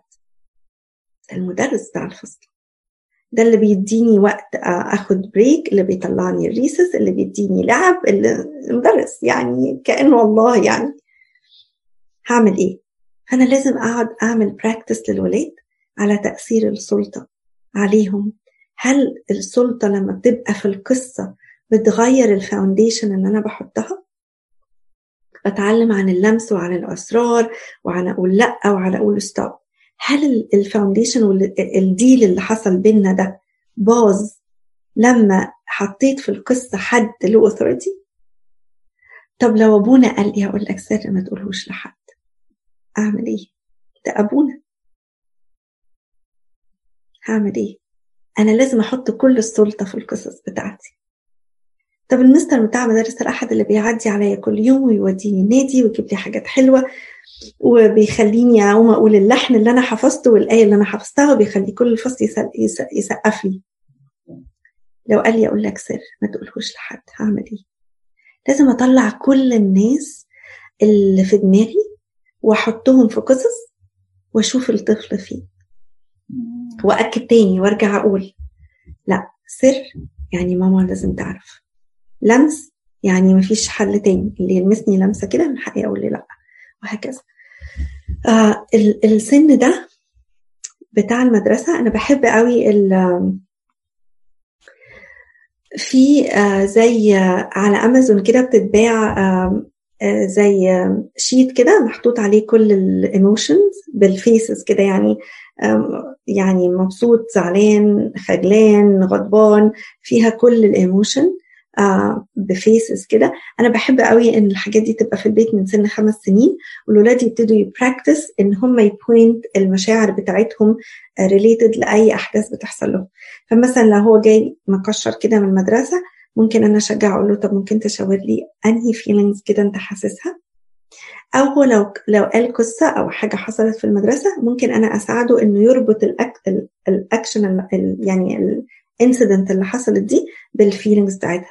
لأن الولاد مرات مش بيبقوا عارفين هو المفروض أحس إيه يعني لما يحصل موضوع زي كده. يعني هو لما واحد يضحك عليا في المدرسة أو يقول مثلا آه ال lunch box بتاعتك مش عارفة فيها إيه. فأنا المفروض أبقى حاسس يا ده أكيد ده يخليني بتهيألي يعني أنا لو حد عمل كده أنا أحس إن أنا غضبان ومتغاظ وعايز أ أ يعني أضربه مثلا. فده الإحساس بتاعي. فأنا مهم قوي أخلي الولاد يتعلموا إزاي يركبوا مشاعر على أحداث بتحصل في حياتهم. فلما يحصل مواقف كتير يبقى عارف يعبر عن المشاعر اللي هو بيعدي بيها. آه المرحلة التانية هي تانية ابتدائي عايزة أقول كل مرحلة بروحها بجيب برضو من الحاجات القديمة اللي أنا اتعلمتها وأضيف عليها حاجة تانية. الحاجة اللي أنا ضفتها في المرحلة التانية قصة إنه جسمي مقدس. يعني إيه مقدس؟ كبيرة شوية على الولاد كلمة هولي بس آه يعني آه ممكن آه يعني يعني أخليها بسيطة. زي مثلا يعني أتكلم على الجسد مثلا والدم. فلما أقول مثلا على القربانة اللي, ابونا بيستخدمها في القداس. خدوا بالكم إحنا بندخل ربنا في كل الحوارات. أبونا بيختار الحمل. شفت أبونا بيختار حمل ينفع مثلا أبونا بعد ما يختار القربانة دي أخدها أعملها سندوتش جبنة؟ طعم القربان يجنن بالجبنة. بس أنا هعمل كده؟ ينفع؟ لا ما ينفعش. ليه؟ لأن القربانة دي بقت هولي فأنا لما س... لما أنا نزلت في المعمودية أول ما طلعت منها ودي فرصة بقى أطلع صور المعمودية وأوري للولاد يوم المعمودية كان إزاي. لأن وأنا بحكي وأنا بعلم الولاد أنا أنا دي حياة. أنا مش بجيب الولاد وأقول إيه الجمعة الساعة ستة ونص التربية الجنسية في البيت عندنا كل واحد يقعد على كرسي وهنتكلم بقى في الموضوع ده. لا دي حياة. فأنا ممكن لو اتفتح موضوع زي كده لو طفل بيتعمد أو لو أنا عايزة أفتح القصة أقول أفتح الصور بتاعة المعمودية واقول له عارف أنت كنت في اليوم ده وأقعد أحكي بقى اليوم ده كان عامل إزاي وإزاي كانت العيلة كلها موجودة وإزاي آه مثلا لما لما بعد ما اتعمدت ولازم بقى تغير كل هدومك أنا كنت مغطياك إزاي؟ وكانت واقفه تيتا جنبي مثلا مغطية كده بالفوطة علشان ال private parts أنت عارف يعني ما ينفعش حد يبص علي عليك وأنت عريان. وبعدين لبست بسرعة وبعدين أول ما خرجت المعموديه ابونا قال إيه؟ مارك ده هولي مقدس ليه؟ لأنه خلاص دخل المعموديه وطلع فيه الروح القدس. فانا أنا بزرع الإيمان وبزرع الأساسيات من سن صغير هو ده السن بتاع الإيمان لأنه بيقابل اللي أنت بتقوله ده الإيمان. لو قلت الشمس بتيجي من الناحية دي وهي بتيجي من الناحية دي هيصدقك أنت مش هيصدق أي حاجة تانية. فده السن اللي الولاد بياخدوا فيه الإيمان زي بالظبط ما تسلموه منكم. فعايزة أتكلم عن إزاي الجسم مقدس أروح أتكلم في القصة دي. وبعدين أجي أقول علشان كده الجسم ده مش من أي حد أي حد يلمسه لأنه مقدس للرب. ممكن أتكلم عن صموئيل في الهيكل وإزاي ربنا كان بيتكلم مع صموئيل ليه؟ لأنه كان كله مقدس للرب. وراحت مامته أخدته وقال خلاص هو مقدس للرب هيفضل في الهيكل طول الوقت. مقدس. كاتبة حاجة اسمها ترمومتر الأسرار. فأنا بخلي الولاد يرسموا ترمومتر كده. أنتوا عارفين الترمومتر يبقى لو حد عنده حرارة عالية بيبقى أحمر كده أو زي بتاع الجو. لو الحرارة فوق ال 80 بتبقى لونها red ولا مش عارفة إيه تبقى orange فأنا عايزة أشوف أدي بقى قصص وأشوف الأسرار اللي أنا بديها في القصص دي. أسرار تستخبى ولا أسرار ما تستخباش؟ فأنا مثلا أدي قصة. زي حد من المدرسة حكيت لي قصة وانتوا ألفوا بقى قصص لأن ده سن القصص والألعاب. وبعدين قالت لي بس ما تقوليش لحد. أنت تفتكر أحطها في أنهي حتة في الترمومتر؟ فمثلا البنت دي حكيت لي قالت لي مامتها عملت حادثة وهي مش عايزة حد يعرف. okay أنت رأيك إيه؟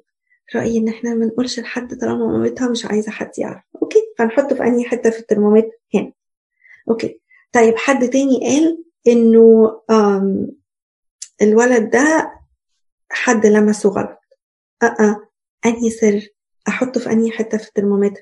فأنا يبقى عندي ترمومتر كده وأقعد كل شوية أقيس عليه القصص اللي أنا بحكيها للأطفال وأقعد أأكد هحط فين الحتة دي. ده سر يستخبى؟ ولا سر لازم أقوله؟ ولا سر لازم أريبورت وأنا لازم أفهم الأطفال الفرق ما بين to tell and to report. في فرق بين الاثنين to tell يعني مثلا لو ولد آه زق ولد وأنا شفته وقع قدامي. فأنا من حقي أقول للمدرسة على فكرة أنا شفت الولد ده وقع ومثلا حد زقه. ليه لازم أقول؟ علشان أنا عايز الدنيا تبقى سيف حواليا. لأن اللي زقه ده النهارده هيزقني ميبي أو يزق حد تاني يعور فأنا لازم أقول. لكن في حاجة اسمها report report يعني حاجة أكبر قوي وخاصة دي ليها علاقة بالاعتداءات الجنسية. في المرحلة دي بتكلم على ال privacy بتاعتي وال privacy بتاعت الولاد التانيين. فزي ما أنا بحافظ على ال private parts بتاعتي آه وما حدش بيلمسني وبعرف أقول لأ أنا ما أقدرش أعمل كده في حد. يعني أنا لو شفت حد بيعمل تواليت والباب مفتوح. أنا أنا محتاج إن أنا أقفل الباب عليه. ليه؟ أنا زي ما أنا بحترم ال private parts وال privacy بتاعتي أنا بحترم ال privacy بتاعت الآخرين. ودي حاجة مهمة قوي. لأنه لأنه لأنه الطفل محتاج يتعلم الأصول الصح. مش بس أحمي نفسي لا الصح إن أنا زي ما بحترم الخصوصيات بتاعتي بحترم خصوصيات الآخرين. السن ده شوية بتكلم على اللبس وأقعد أجيب أمثلة الولاد ينفع أروح الكنيسة لابسه المايو؟ لا إلا إذا كانت الكنيسة عاملة يعني swimming pool يعني اللي هو ال pool day مش عارفة إيه وهنلعب كلنا بالمية آه ده اليوم كده. كان رايح مدارس الاحد ينفع ألبس المايو؟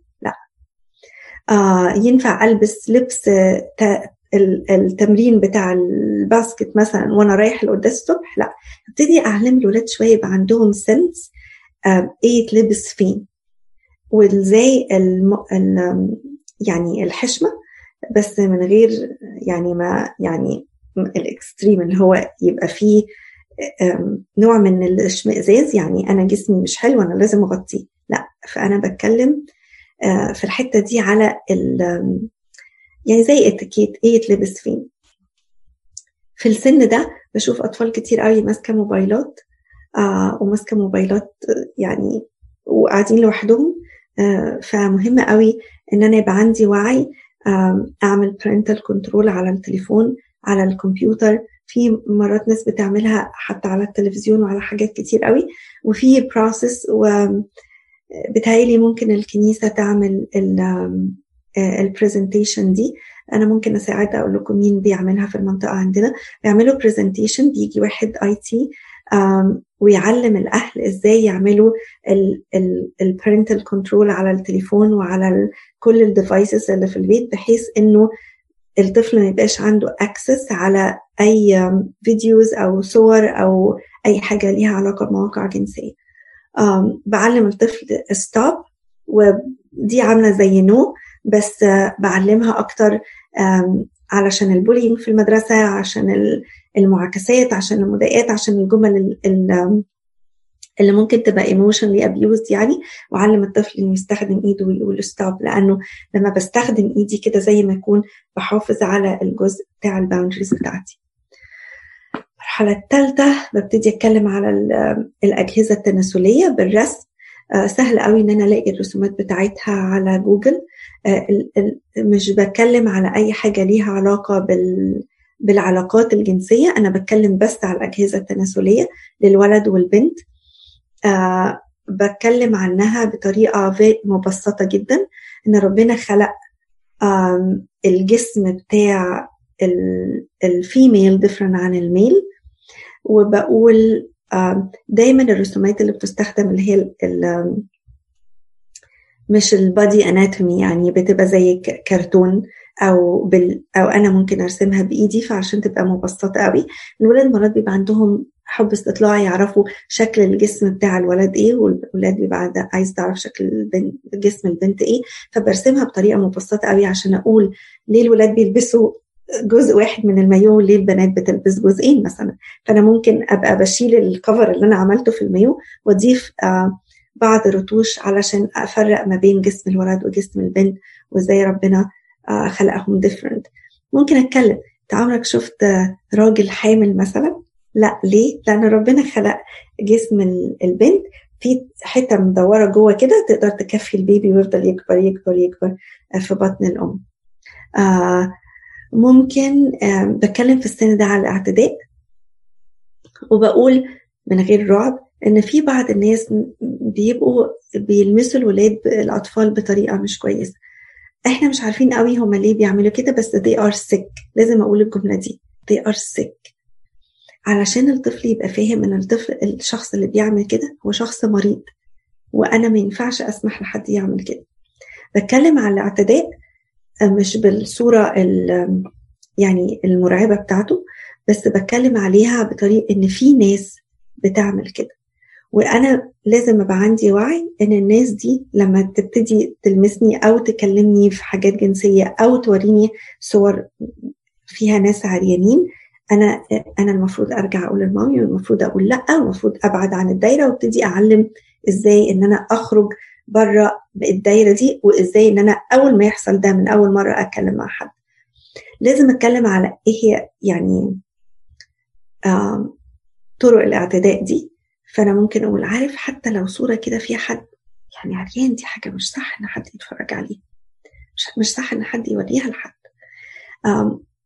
لو حد قال لي أنا أدخل معاك التواليت أنت عارف هنقول إيه.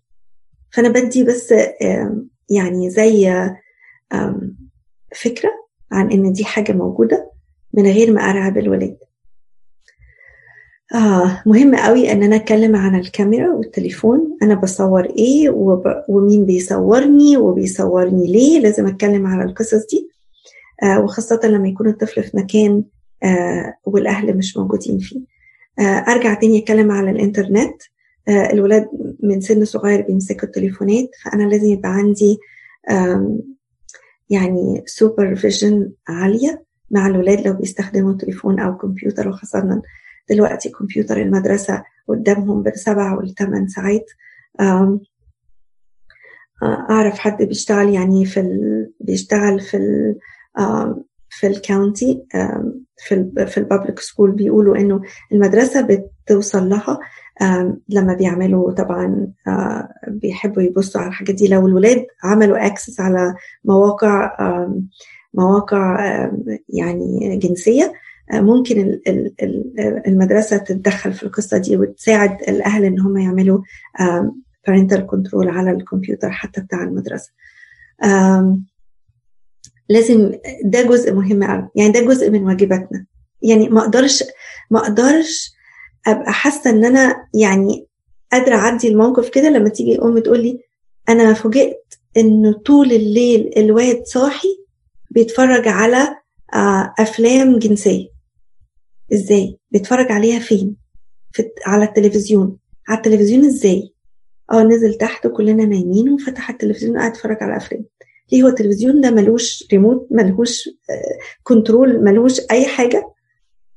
فده جزء من الواجب. فاكرين لما قلنا في جزء إيماني؟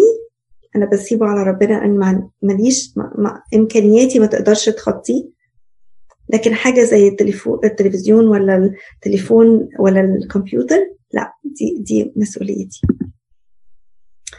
المرحلة الرابعة مهمة قوي. الايدنتي بتاعت الولاد في السن ده مهمه مهمة جدا. أنا مين؟ آه عايزة أقول لكم أنا مين دي بتبتدي بحاجات صغيرة قوي. أنا ممكن آه ممكن أسأل أهل كمان إيه الحاجات اللي الولاد بيحبوها؟ إيه الألوان المفضلة بتاعتهم؟ إيه أكتر مكان يحبوا يروحوا؟ إيه أكتر لون يحبوا يلبسوه في اللبس بتاعهم؟ إيه أكتر أكلة بيحبوها؟ مين أكتر ناس صحابهم؟ عارفين الحاجات الصغيرة دي اللي هي الطفل يقول يعني حدود الايدنتي بتاعته. أنا مين وبفكر في إيه وبحب إيه ومش بحب إيه؟ وإيه بيخوفني وإيه بيفرحني وإيه بيغضبني؟ آه إيه بحب أتكلم عليه؟ إيه بحب أتفرج عليه؟ أماكن إيه؟ كل كل ما يخص آه تكوين شخصية الطفل يبقى له ملامح شخصيته يبقى ليها ملامح. وأنا ببني ال identity وبشوف بخلي الطفل يشوف هو مين لازم أحط ربنا في القصة ده. لو لو الطفل عمل ال identity بتاعته ما شافش ربنا وما شافش أي حاجة بيحبها يبقى ده question mark ليه الطفل مش شايف ربنا في الحياة؟ والخط الأصفر ده هيبقى موجود في كل ال PowerPoint أنا محتاج اشرك الله في كل حواراتي عن الجنس وفي حياتي في البيت. آه لازم أعرف إيه حقوقي. أنا من حقي أعيش في أمان.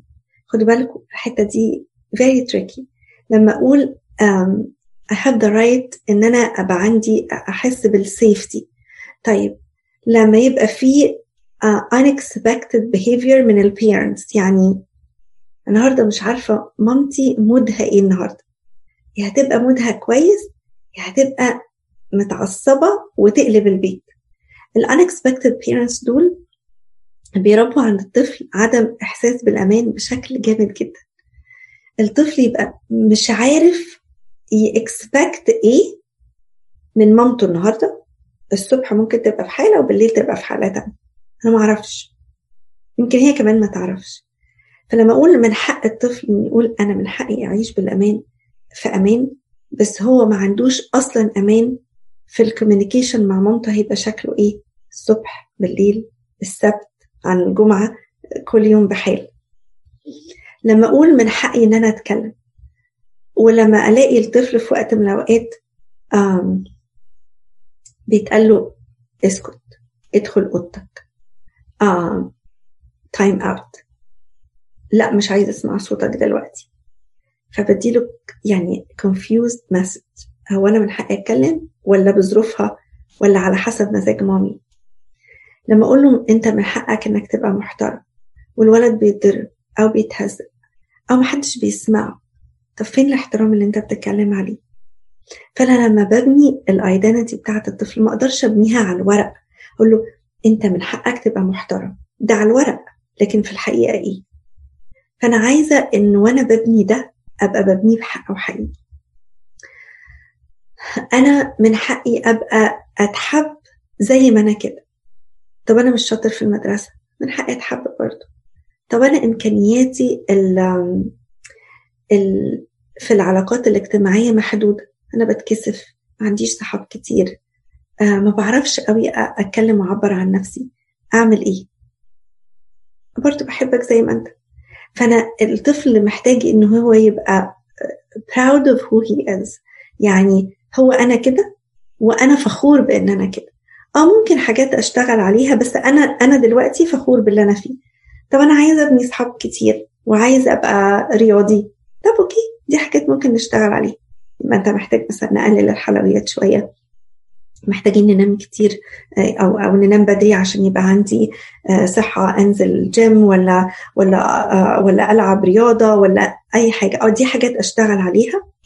لكن أنا النهارده راضية عن نفسي وإمكانياتي وعقلي وشكلي وجسمي. الحاجات دي كلها بتتبني إزاي؟ لو أنا بنقد الأولاد في شكلهم وفي لبسهم وفي طريقة أكلهم وطريقة وعدهم هيرضى عن نفسه إزاي؟ بطلي أكل حاجات حلوة بصي تخنتي إزاي؟ آه مفيش ولا لبس جاي من السنة اللي فاتت عليكي. الجمل دي تعمل إيه؟ الجمل دي تأذي إزاي؟ أنا مين بقى؟ أما أجي أقول له أنت مين؟ أنا حد مش راضي عن نفسي أصلا تخنت أنا عايز الطفل يخس ما ينفعش أقول له أنت شكلك يقرف أنت لازم تخس. لا أنت جميل. بس عايز تبقى صحي أكتر ممكن يبقى أكلك more healthy ممكن تبقى الحلويات في وقت معين في اليوم أو في الأسبوع. علشان حتى إيه دايما أشرك قوي الأهل في حتة آه لما آجي أعدل سلوك الطفل بيعمله اطلع بره الدايرة وخلي الصح والغلط هو اللي بيقرر السلوك ده. فأنا مثلا الطفل بياكل حلويات كتير. أنا قلت مش هتاكل حلويات. ده أنا بقى القرار قراري صح؟ فبقت في تنشن بيني وبين الطفل لأن أنا اللي مقررة القرار ده. لكن لما أجي أقول له طبعا ده أسهل. أسهل حاجة إن أنا أقول إيه؟ أنا قلت ما فيش حاجة حلوة. ده سهل. خلص الموضوع والموضوع خلص يعني انتهى والحلويات اتشالت ومش هيقدر يمد إيده عليه. لو أنا جيت قعدت أقول هو السكريات دي بتروح فين في الجسم؟ هو الكبد بيبقى شكله إيه؟ واطلع بقى من على الإنترنت ومن على اليوتيوب ال sugar بيروح فين؟ إزاي السكريات وال sugar اللي هو موجود في الحلويات ده مختلف عن ال sugar الموجود في الفاكهة مثلا؟ وعلم الطفل إزاي إن ال processing بتاع ال sugar ده بيبقى مرهق قوي على الكبد مثلا؟ فأنا اديته حتة علمية أنا طلعت بره القصة فأنا عشان مش عايزة كبدك يتاذي أو مش عايزة الدنيا تبوظ. أنا بتكلم عيال كبار رابعة ابتدائي مش بكلم حد عنده ست سنين هيقعد يعيط لحد ما ياخد الشوكولاتة. فأنا طلعت بره القصة وخليت الجزء العلمي أو العلم أو المنطق أو أي حاجة هي اللي بت بتحدد نعمل إيه في الخطوة اللي جاية عشان نبقى ماشيين صح. فبقى ال argument وال tense مش بيني وبين الطفل. منك بقى للعلم منك للاختراع الكبد منك للحاجات دي. فأنا بقيت بره فما بقاش فيه. أنا فعلا بحب الشوكولاتة زيك بس أنا مش عايزة اذي جسمي مثلا يعني. مهم قوي إن أنا أعلم الأولاد إنهم ياخدوا بالهم من ال manipulation في الألفاظ وفي ال وفي ال يعني وفي الحوارات. طبعا ده هيبقى صعب قوي لو أنا already ب manipulate ابني أو بستعمل ال manipulation كطريقة للحوار. فلازم أنا أبقى واخدة بالي أبقى direct كده في الحوار أقوم لما يقوم الطفل يبقى very sensitive للحوار لو دخل في سكة ال manipulation ما تبقاش دي ال common language اللي هو بيسمعها على طول في البيت. فمش هيقدر ي... مش هيقدر ي... يحس باختلاف هو الراجل ده بيقول manipulation ليه ده ده العادي بتاعنا. ده ده العادي في الحوار. فمهم قوي إن أنا أبقى straightforward مع الولاد. مهم قوي أبقى مش بتلاعب بالألفاظ والمشاعر عشان يخلي الطفل يعمل حاجة أنا عايزاه. مثلا لو الطفل قاعد بيلعب جيمز وأنا عايزاه يساعدني في حاجة هو أنا مش عاجبني أصلا إنه قاعد طول الوقت ده قدام التلفزيون؟ فأنا ممكن أقول إيه؟ أنا أنا أنت قعدت كده الساعة بتاعتك من فضلك اطفي التلفزيون وقوم ساعدني مثلا في إن أنا أوضب أوضتك مثلا. غير لما أقول آه ظهري وجعني قوي أنا مش قادرة طول النهار بشتغل ممكن يا حبيبي تيجي تساعدني دلوقتي؟ أحسن أنا مش قادرة أقوم. ده إيه ده؟ ده أنا بستخدم العاطفة علشان أخلي الطفل يعمل حاجة أنا عايزاها. هو اللي أنا عايزاه مش غلط. وإن هو يقوم يساعد ده صح بس الطريقة. مهمه قوي آخد بالي من الطريقة. آه روح المرحلة الخامسة. آه المرحلة الخامسة بتكلم فيها عن الحواس وقداسة الحواس وأتكلم عن الميرون إزاي أبونا رشمني بالميرون. ويعني إيه الحواس تبقى مقدسة؟ أتكلم على إزاي أنا ودني كده بتتلخبط لما أنا طول النهار أسمع أغاني وبعدين آه أروح بعدها أسمع القداس. فودني تبقى عمالة تقول يعني أنا مش فاهمة. يعني إحنا يا نسمع الأغنية دي يا نسمع الترانيم دي. فأنا مش ببقى عايزة ألخبط وداني. فلما ربنا خلقها ولأنا اتقدست بالميرون عشان تسمع أي حاجة تخليني ماشي في نفس السكة بتاعة السماء. آه السن ده في سن خمسة ابتدائي بتكلم قوي على الصحاب. الصحاب ليهم تأثير خطير جدا في في المراحل الأخيرة من من ابتدائي. وإزاي إن الولاد بيدخلوا أصحابهم في حتت جنسية كتيرة قوي أكتر من تأثير حاجات كتيرة. بص أنا اتفرجت على دي بص الصورة دي بص المجلة دي تعالى نعمل كذا جربت كذا. فالسن بتاع المدرسة اللي هو خمسة وستة ده سن تأثير الصحاب عالي قوي فيه وخاصة في المعلومات والخبرات الجنسية. بتكلم كتير قوي عن مين هو الصديق الصح والصديق الغلط أو اللي يبني واللي ما يبنيش. عندي قصص في الإنجيل كتير قوي. أنا ممكن أتكلم على داود ويونسان للصبح وإزاي إن كانت صداقتهم مختلفة وإزاي كانوا بيحبوا بعض بجد وإزاي كانوا بيخافوا على بعض بجد. ممكن أتكلم على حاجات كتير قوي في الكتاب المقدس علشان أحكي قصص الصداقة. آه السن ده من ناحية التربية الجنسية بتكلم على الأوتلاين بتاع الجسم زي ما أنا بوريكم في الصورة دي وبسمي الحاجات بالأسماء العلمية بتاعتها.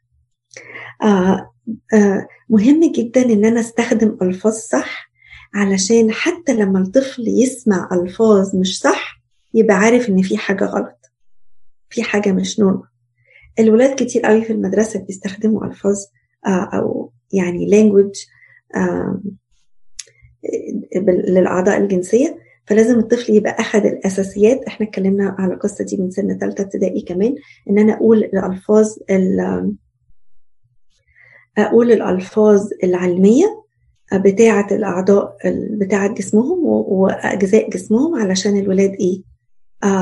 يبقوا عارفين إزاي يستخدموا الكلمات دي حتى لو حد لمسهم يقدر يقول بالظبط واللفظ العلمي ما يبقاش محرج من الكلمات اللي بتتقال في المدرسة عن الأعضاء بتاعة الجنسية بتاعتهم بتكلم كتير قوي على إن الصح مش سهل.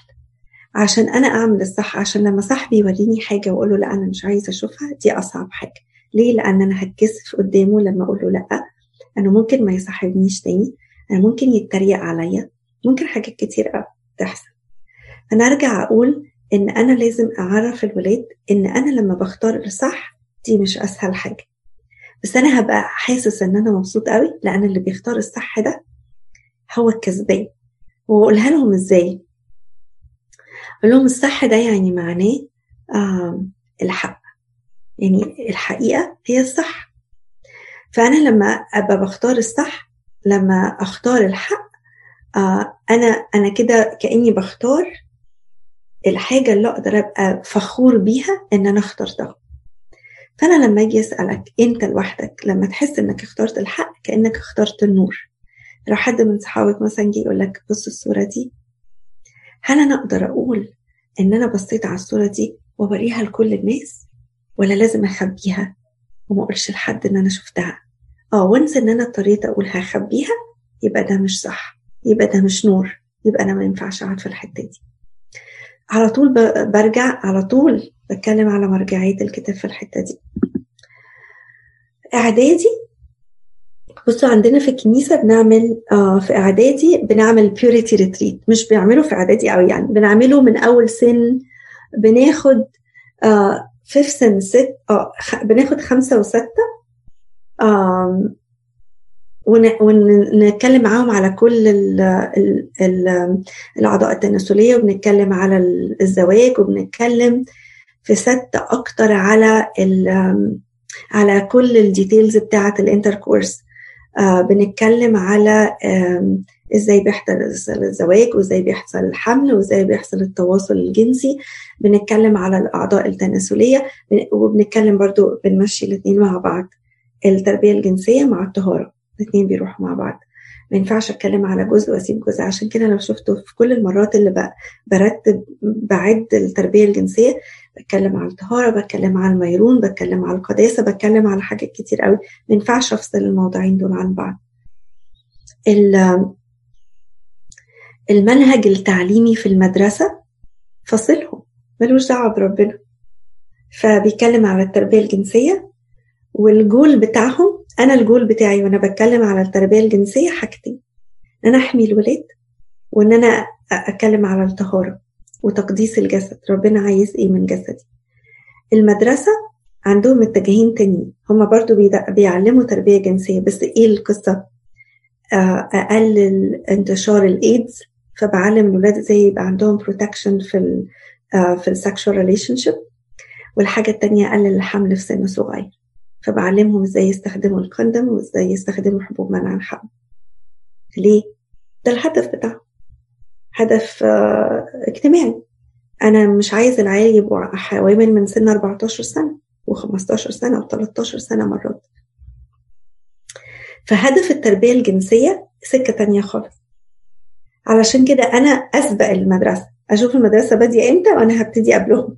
ليه؟ لأن أنا عندي target تاني. target بتاعي الطهارة والأبدية والزواج ونقاء. أنا في حتة تانية خالص. إعدادي بتكلم على ال ال وأنا بتكلم على القوة الداخلية عايزة أقول بيها القوة بتاعتي اللي أقدر أقول بيها لأ. أنا عندي قوة جوايا أقول لأ لأن أنا عارف إن ده الصح وإن صوت ربنا واضح جوايا. إن الروح القدس يقدر يبقى مبسوط وأنا بقول لأ. وأتكلم بقى على في الوقت ده بتكلم على آه روح ربنا جوايا بتكلم على انطفاء الروح. آه ليه؟ لأنه لأن أنا لما بختار اختيارات غلط الروح القدس جوايا بينكمش كده. ليه؟ لأنه بيبقى عارف إن أنا عارف الصح بس أنا اتلخبطت واخترت الغلط. طب أنا ممكن أبتدي من أول وجديد والمرة اللي جاية أختار الصح. بتكلم على الأيضا على الانتماء. آه مهم قوي قصة الانتماء دي ليه؟ الولاد في المرحلة دي بيبقوا عايزين يفت إن مع الجروبس بتاعة المدرسة. فبيلاقي إن ال... إن الولاد اتجاهاتهم في حتة تانية خالص. فمن ضغط ال... ال... الولاد على بعض في المدرسة العيال مرات بيوافقوا علشان البقية دول يوافقوا إنهم يسحبوه أو يخرجوا معاهم. أو لو هو team في sport طبعا ال sport تعمل very strong team بس لما ال team ده بيبقى قريب قوي من بعض أنا عايزة أبقى fit in وأبقى part من ال team ده فمرات كتير الولاد بتوافق على حاجات هي مش عايزة توافق عليه بس عشان تحس إنها وسط مجموعة. عشان كده مهم قوي الكنيسة والمجموعات بتاعة الكنيسة وإن إحنا نبقى مع بعض ونعمل team سوا ويبقى عندنا retreats وخروجات و... وأكون very strong relation friendship في الكنيسة. عشان لو أنا اترفضت من المجتمع بتاع المدرسة يبقى عندي حد تاني برجع له الأصدقاء دول حاجة مهمة جدا في المرحلة دي من مراحل الإعدادي وثانوي دول. ربنا إذا يعني كانوا مدركين وجوده وبعدين الأصدقاء وبعدين الأهل. فالأصدقاء مهمين قوي فأنا محتاج أقول لولادي إن أنا لو ما لقيتش مجتمع مناسب في المدرسة على الأقل أنا عندي مجتمع تاني في الكنيسة أو في الصحاب. أو في الأهل وأصحابهم. بس يبقى عندي حد تاني يبقى موجود. فما بقاش حاسس إن أنا بشحت الصداقة في المدرسة وقصادها بضحي بحاجات كتير قوي من القيم وال values بتاعتي اللي أنا عمالة أتعلمها من سن صغير. بعلم الولاد في سن إعدادي إزاي يحسوا بالخطر جاي يحس الشخص ده أنا مش مرتاح له. أول ما ألاقي ال flasher ده جه أنا لازم أروح أقول لماما أو أقول لحد أنا بثق فيه. آه بكلمهم على أشكال الاعتداء الجنسي برضو in details وبعدين لازم يبقى عندي وعي بالإنترنت. ال games اللي هي ال online games دي في منتهى الخطورة آه في حاجة تانية برضو فوجئت إنها في مرحلة إعدادي أنا كنت فاكراها أكتر من كده شوية. عندي client من من الألعاب بتاعة ال online games دي اتعرف على حد ومش بيبقوا عارفين الناس اللي بيلعبوا معاهم. ومن معرفة الشخص ده دخل معلومات كتير عنه وبعد فترة طويلة من الصداقة طلع إن هو داخل جوه human trafficking group اللي هم بي اللي هم بيسرقوا العيال ويبيعوهم ويروحوا بيوت وحاجات زي كده. فلازم أبقى عندي وعي الولاد بيتفرجوا على إيه وبعرفهم إن لو أنا هلعب مع حد ما أعرفوش ما ينفعش أحط ال credit card بتاعتي ما ينفعش أقول أنا ساكن فين ما ينفعش أحط عنواني ما ينفعش أبعت صور ليا ولا لعيلتي حتى لو الشخص ده واللي أنا هو عمري ما قابلته وما شفته بعت لي حاجات شخصية. أنا ممكن يعني الكلاينت بتاعي ده الشخص اللي كان بيتواصل معي قال له إن هو عنده 15 سنة which is one year older than client يعني. لكن طلع في الآخر إنه adult. وان هو جوه شبكة ما أعرفش ال human trafficking دي اسمها إيه. آه ف يعني طلع جوه شبكة كده. يعني طلع كله fake فدي دي برضو حاجة. آه بصوا في الصور دي ده واحد من المحاضرات اللي بنديها في ال purity retreat بكل التفاصيل بتاعة آه ال reproductive system لل female وال reproductive system آه لل male المرحلة الثانوية آه بتكلم فيها أكتر عن العلاقات. الولاد في السن ده بيبقوا نفسهم قوي يعرفوا إزاي ي build up good relationship. فسهل قوي نقول لهم آه عايز تكسب صحاب؟ عايز تكون um, healthy for a good friendship. طب تعالوا نتكلم على العلاقات. تعالوا نتكلم على إيه ال character بتاعة الناس اللي ينفع يعملوا علاقات صحية. بتكلم على ال dating في السن ده. لأن الولاد بيبقوا نفسهم قوي يبقى عندهم boyfriend و girlfriend فبتكلم على ال dating بتكلم على uh, إيه. إيه العلاقات اللي المفروض تكون في السن ده. بتكلم على الاعتداء الجنسي في الصداقات. إزاي ممكن ناس يبقوا داخلين على dating وال dating ده يقلب ل rape؟ وحالات بأمانة لا حصر لها. الولاد والبنات اللي في الثانوي يتعرضوا لل rape من اللي كان اسمه اللي كانت اسمها boyfriend أو girlfriend فأنا لازم يبقى عندي وعي واتكلم ولاد هو ال dating ده واصل لفين وآخرته إيه. بتكلم عن الطهارة من منظور كتابي فبتكلم على طبعا قصص كتيرة قوي الطهارة في, في الكنيسة وفي, وفي الكتاب المقدس طبعا يوسف يوسف الصديق من من أكتر القصص اللي ممكن نتكلم عنها في الطهارة عندنا قصص كتير قوي في السنكسار وفي الكنيسة تتكلم عن الطهارة آه يعني قصص بجد لا حصر لها. وده موضوع كامل برضو آه في البيوريتي ريتريت لهاي سكول فالبيوريتي ريتريت لميدل سكول بيبقى أكتر تعليمي scientific وان وودي طبعا في آه يعني foundation لل إزاي أقول لأ وإزاي أتكلم مع حد وإزاي أثق في مين وما أثقش في مين وال boundaries ده بيبقى ال main goals بتاعته. في ال high school purity retreat أكتر بيبقى عن الطهارة والعلاقات الصحية وال dating والجواز. آه في الطهارة آه ده موضوع بحب قوي أتكلم فيه. يعقوب واحد ثلاثة ممكن آه واحد 13 ممكن نطلعه سوا. عشان دي من ضمن الآيات اللي بحب قوي الأهل يتكلموا فيها كتير. مش معلش. بس موضوع. نعم. معلش مم... I'm sorry بس ممكن ت... ممكن تقولي الشاهد تاني؟ إيه واحد يعقوب آه يعقوب يعقوب؟ الأولاني الآية 13 آه دي بقولها في حاجات كتير قوي.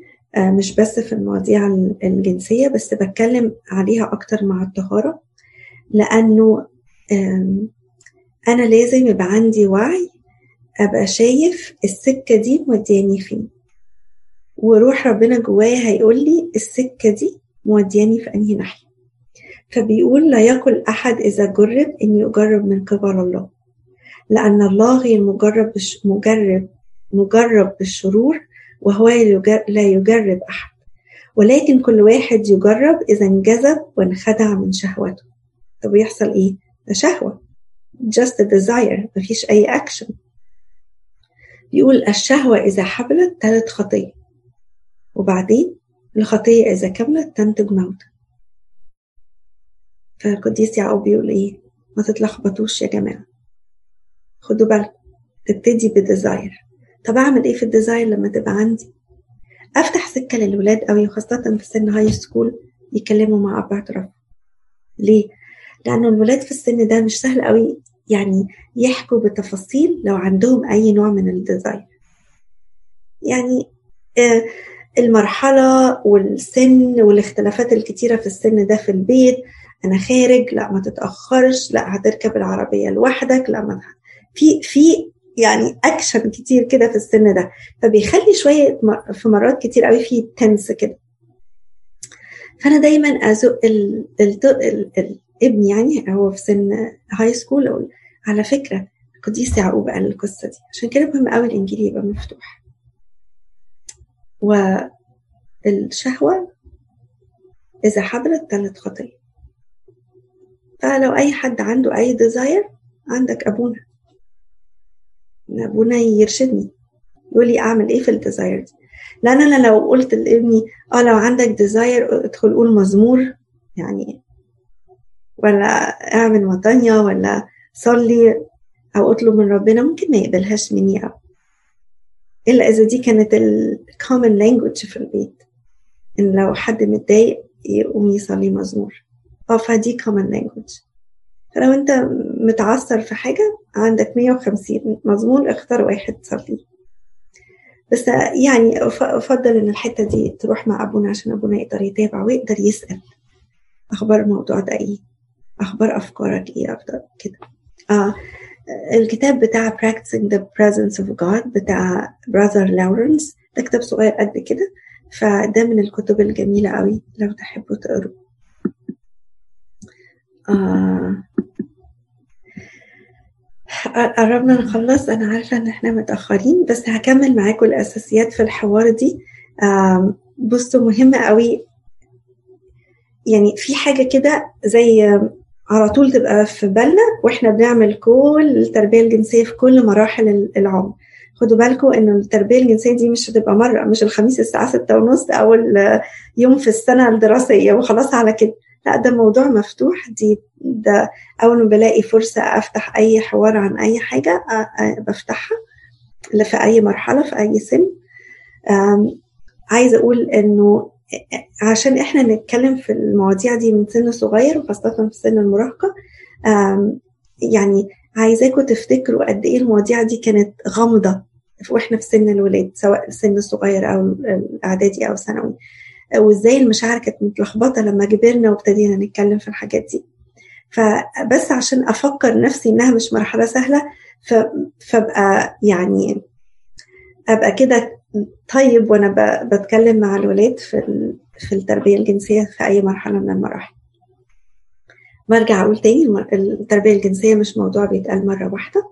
دي ده أسلوب أو common language في الحياة بتاعتنا مع الولاد. آه ما أقدرش أتكلم على الأجزاء الجنسية بأي شكل من الأشكال بكلمة تعيب أو يبقى عندي نوع من الاشمئزاز وأنا بتكلم عليها. بس أنا مهم قوي أبقى عندي وعي وأبقى واخد بالي وأنا بحكي أو بتكلم بطريقة علمية عن ال عن ال عن التربية الجنسية. وبتكلم برضو على إزاي إن الناس استخدموا الأعضاء الجنسية دي بطريقة سيئة. فالمشكلة مش في الأعضاء التناسلية اللي ربنا خلقها اللي ربنا قاصد يخلقها وبالطريقة دي وبالشكل ده وللغرض ده بس بالطريقة اللي الناس التانية استعملتها. طبعا لما الولاد يكبروا شوية هضطر أفتح الكتاب وأقول لهم على القديس بولس الرسول لما قال لهم فاعلين الفاعلين الفحشاء ذكورا بذكور. واستبدلن استعمال الأنثى الطبيعي بغير الطبيعي لازم أرجع للحتة دي. عشان أقول دي ال foundation يا جماعة بتاعتي دي ال values بتاعتي. Whatever society بيتكلم عن إيه وفاتح إيه وبيتكلم في إيه أنا الكتاب بتاعي بيقول حاجة تانية. آه لازم يبقى عندي ثقة وأنا بتكلم مع الولاد وبجاوب الأسئلة. أنا عندي ولد في آه تايلي high school من أربع خمس سنين. فجي قال لي أنا عايز أسألك في موضوع. قلت له خير. قال لي هو كان في ninth grade أنا رحت أسأل آه ماما أقول لها هو إيه قصة ليلة الدخلة؟ يعني بيعملوا إيه في ليلة الجواز؟ فماما قالت لي اللي أنت بتسأل فيه ده؟ روح اسأل أبوك. فراح لبابا. قال له أنا كنت بسأل ماما على يعني ليلة الدخلة وأول يوم في الجواز ده بيحصل فيه. إيه قال له أنت لسه عيل وانت ناوي تتجوز دلوقتي ولا إيه؟ ما تكبر تبقى تفهم الحاجات دي. روح ذاكر ولا العب شوية جيمز وادخل نام فجي يسألني أنا. قال لي بصي واضح إنه ده موضوع كبير قوي محدش عايز يتكلم فيه فأنت ممكن تشرحي لي. فأنا الأهل ارتباكهم خلى الولد حس إيه؟ ده موضوع كبير قوي ومحدش عايز يتكلم فيه وكأنها موضوع يعني سيء. وأنا ساعتها استغربت قوي إنه أبسط حاجة الولد ده ممكن يعملها دخل على الإنترنت. خلصت صح. بس لازم إحنا نبقى واثقين في, في إن إحنا ندي الإجابات الصح ونقول الحق للولاد عشان ما يلجأوش إنهم يعرفوا اجوبات الأجوبة من مكان تاني غير موثوق فيه. آه لازم أبقى عندي هدف وأنا وأنا بجاوب الأسئلة دي الجزئين اللي أنا عايزة اكدهم وهما إيه. الطهاره إن أنا أحمي الولاد بالمعرفة والطهارة علشان يستخدموا جسمهم للغرض اللي ربنا خلقهم عليه. فدايما يبقى عندي الجول ده وأنا بعلمهم. أنا عايز ابني يبقى ناجح في علاقته مع ربنا وفي, في وفي طهارته وفي علاقته بشريك حياته لما يتجوز. آه لازم أتكلم على آه لازم أبقى فاتح الحوار في أي وقت. أي وقت الطفل أو الابن أو الشاب جاي يسألني يبقى عندي عندي آه عندي طريقة للحوار وعندي آه مش ده وقت مناسب وده وقت مش مناسب. هو جاله السؤال دلوقتي عايز تفسر على حاجة يبقى ده وقت الاجابه طبعا بحكمة. لأن لو عندي في ثالثه ابتدائي جه يقول بابا وماما اتجوزتوا إزاي؟ ما أقدرش أشرح ديتيلز التواصل الجسدي لطفل في ثالثه ابتدائي زي ما أشرحه لحد في إعدادي. فأنا لازم يبقى عندي وعي. أنا بتكلم مع مين؟ على على إيه؟ في أنه سن. مهم قوي إن التربية الجنسية تيجي من الأب والأم. لأنه ده أكتر مكان آمن الطفل يقدر يتعلم فيه التربية دي ويقدر يسأل الأسئلة اللي هو عايزها. أتكلم على ال peer pressure إزاي المجتمع والأصحاب ممكن يأثروا عليا وإزاي إن أنا ال values بتاعتي كلها وقيمي وإيماني وعقيدتي وكتابي يبقى هما الأساس. برضو أساسيات لازم أتكلم فيها عن الحدود. ال boundaries دي حاجة مهمة قوي أنا بتكلم شوية في الأساسيات على الحوار فبتكلم في إعدادي وثانوي لازم أتكلم على الحدود. لازم أعرف قوي المجتمع بتاع الولاد هم خارجين فين ورايحين مع مين ومين الناس اللي موجودة في المجتمع ده وشكلهم إيه ومين في supervision ولا لأ في القعدة. كل طفل من أطفالي مختلف فما أقدرش الطريقة اللي حكيت بيها لواحد هي تبقى copy paste للتاني. ممكن واحد يبقى طريقة الألوان والرسم والحاجات دي تنفع واحد تاني الديمو ينفع أكتر. فلازم يبقى عندي وعي بطريقه التعليم. في أطفال بيتعلموا فيجوال في أطفال أطفال بيتعلموا بالسمع وفي أطفال بيتعلموا بالورقة والقلم. فلازم يبقى عندي وعي لاختلاف طرق التعليم وأنا بتكلم على التربية الجنسية. لازم أستخدم وسائل مختلفة. لازم أسمع رأيهم. رأيك إيه في اللي إحنا اتكلمنا فيه النهارده؟ طب بتفكر في إيه؟ لازم أقفل الحوار بحاجة إيجابية. ما أسيبش الحوار متعلق أو في حوار يبقى كأن الطفل ما أخدش الإجابة فمخه يفضل يشتغل دايما أقفل الحوار بطريقة إيجابية. بحب أوي أقفل الحوارات بالكتاب وبقصص مني أو بآيات أو بفكرة أو ب... أو بقصة. فيتقفل الحوار فآخر حاجة توصل في... تفضل في مخ الطفل وأفكاره ما تبقاش حاجات غامضة أو عليها تساؤلات. آه بعلمهم عادات صحية. كل يوم ال ال الهيجين ده يعني ملوش علاقة بإنه لما يكبر يتعلم بقى يستحمى ولا إزاي ينظف نفسه ما تبقاش ريحته عرق. الحاجات دي بعلم العادات الصحية من السن من السن الصغير لأن لما الطفل بيبقى بيهتم حتى بأعضائه التناسلية وكنوع من النظافة دي حاجة تبقى يبقى عنده احترام ووعي لأن أنا برسبكت الجسم ده. آه مهم قوي أخرج أشتري مع الولاد يعني احتياجاتهم. يعني مثلا كان في client تتكلم على إن عمر ما مامتها خرجت أو اشترت لها ال pads فهي ما كانتش عارفة إمتى يعني هتستعمل ال pads دي إمتى هيحصل ده. فلبست ال pads سنة قبل ما ما تجيلها ال period ليه؟ لأن مامتها فهمتها إن دي حاجة هتبقى disgusting وهتبقي متوسخة وال under بتاعك يتوسخ. فجالها من الأول نوع من الرعب. إيه اللي هيحصل لها لما أول مرة تجيلها ال period فمهم قوي نبقى gentle قوي مع الولاد وإحنا بنتكلم في الحاجات دي. وأنا أنزل وأشتري معاهم الحاجات. فما يبقاش في barriers كده في الحوارات على على الحاجات يعني على الحاجات الجنسية. مهم قوي إن أنا أفتح حوار الماستربيشن أو العادة الجنسية مع الولاد وخاصة في سن إعدادي وثانوي علشان لو أنا عملت كأنها مش موجودة أو لما تبقى تحصل نبقى نتكلم فيها ده مش ده مش هيساعد الولاد إن هم لما يبتدوا يحسوا بأي أحاسيس لما ي... لو حصل إن هم مارسوا العادة الجنسية أو حد قال لهم عليها يبقى مهم قوي إن أنا اتكلمت فيها. إيه, إيه ليه ليه آه وليه لأ؟ واللي الكتاب بيقول إيه؟ وإزاي أحافظ على طهارتي؟ وإزاي السكة دي هتوديني في حتة تانية؟ وإزاي هتخلي جسمي على طول آه be seek more من من ال masturbation وإزاي ده هيخلي طاقتي في التركيز وفي التفاعل ورؤية الناس اللي حواليا كأنها مهزوزة لأن ابتديت أستعمل جسمي بطريقة مش المفروض إنها تستعمل. دايما أركز على على الناحية العلمية وأنا بتكلم على الاتصال الاتصال الجنسي في الزواج لازم أركز على الناحية العلمية وأستخدم الألفاظ أسماء الأجهزة العلمية مش مش ألفاظ من الإنترنت ولا من الناس اللي بتقولها. سن ثانوي مهم قوي ومرات من أقل من كده. بس ثانوي أتكلم على سمات الزواج. إيه أحلى زواج ممكن يرضي ربنا؟ هو الزواج ده يعني إيه؟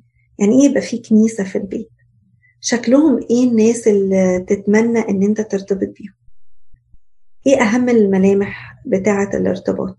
خلينا لما أتكلم من السن ده آه من من السن بتاع هاي سكول ده على إيه هما ملامح الارتباط؟ يبقى شكلها إيه؟ آه آخر حاجة آه الاحتياطات في الكنيسة. لازم أعمل آه تعليم وتوعية للشعب. آه لازم آه آه المناهج الكنسية يبقى فيها تربية جنسية.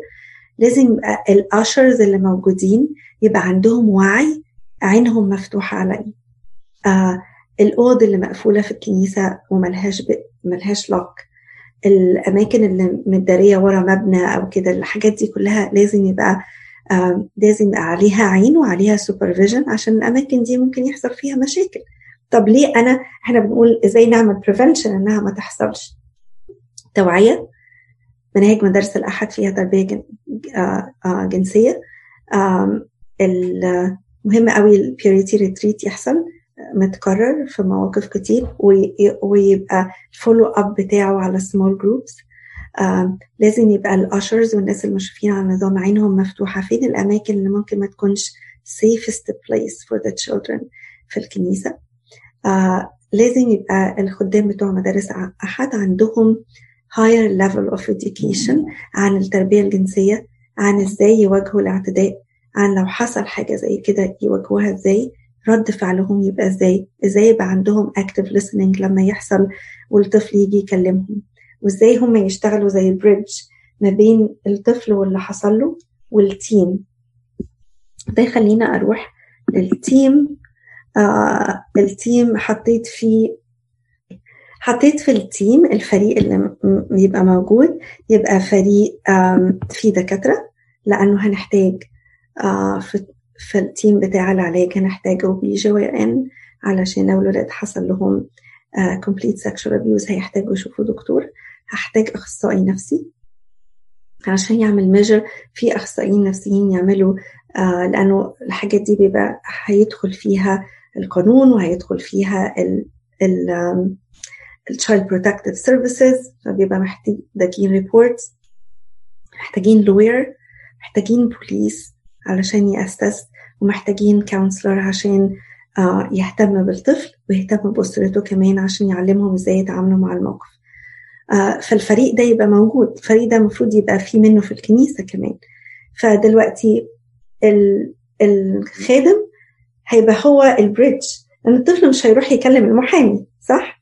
ومش هيروح كمان مرات يقول لأهله ممكن يقول لل Sunday school teacher لو هو خايف يعني. أو لو ال Sunday school teacher ابتدى يشوف العلامات بتاعة ال sexual abuse على الطفل المفروض هو هي... هيروح ي approach الطفل. ي approach ه إزاي؟ وبعدين يشتغل هو زي bridge فالطفل من ناحية وبعدين ال team من ناحية تانية. طبعا الأهل هيبقوا موجودين هنا. بس إزاي يشتغل الشغلانة دي؟ ويوصل الطفل للسكة اللي هيمشي فيها زمن. فلازم يبقى في higher level of education لل servant في المدرسة في المدارس الأحد الكنيسة. بس وبعد كده أكتر حاجة بحب أقولها قوي في ختام الموضوع ده الموضوع ده فيه تفاصيل كتير قوي. بس أحسن حاجة وأأمن حاجة تاخدوها لما تقرروا تكلموا ولادكم صلوا. يا رب اديني حكمة لما أنا أجي أتكلم مع ابني النهاردة ولا بكرة. في موضوع زي كده. انت اتكلم على لساني عشان ما اقولش حاجة آه تجرحه أو ما اقولش حاجة آه تبقى مش المفروض تتقال. وتثقوا ان ربنا بيسمع وبيديكوا يديكوا الحكمة ان أنتوا تتكلموا. آه لو بيوتنا إحنا ما فيهاش طهارة صعب قوي ان الولاد تنمو في, في, في الطهارة. حتى لو دي حاجة محدش ابدا يعرفها. ناس كتير قوي دلوقتي بتستراجل حتى من الأهل. بيستراجلوا مع البورنوجرافي ويتفرجوا على أفلام إباحية. لو البيت ما فيهوش طهارة صعب قوي إن أنا أبني طفل. الفاليوز بتاعته هي إن أنا أفضل طاهر. فمرات كتير إحنا بنحتاج نتوب عشان نمشي مع الولاد في السكة بتاعة الطهارة دي. آخر حاجة أقولها أنتوا محتاجين تصلوا لاولادكم حتى لو الولاد سنهم صغير آه خمس سنين. صلوا من أجل إن ربنا يرتب لهم أصدقاء كويسين في سن الجامعة. صلوا إن ربنا يحميهم من دلوقتي لحد الآخر. صلوا من أجل الولاد لأنه الصلاة الصلاة هي الحماية. فكل مرة أبونا يقول بيوت صلاة بيوت طهارة بيوت بركة اسجدوا على الأرض وقولوا له رب إحنا فعلا محتاجين إن أنت إن أنت تملى بيوتنا بالصلاة وبالطهارة وبالبركة.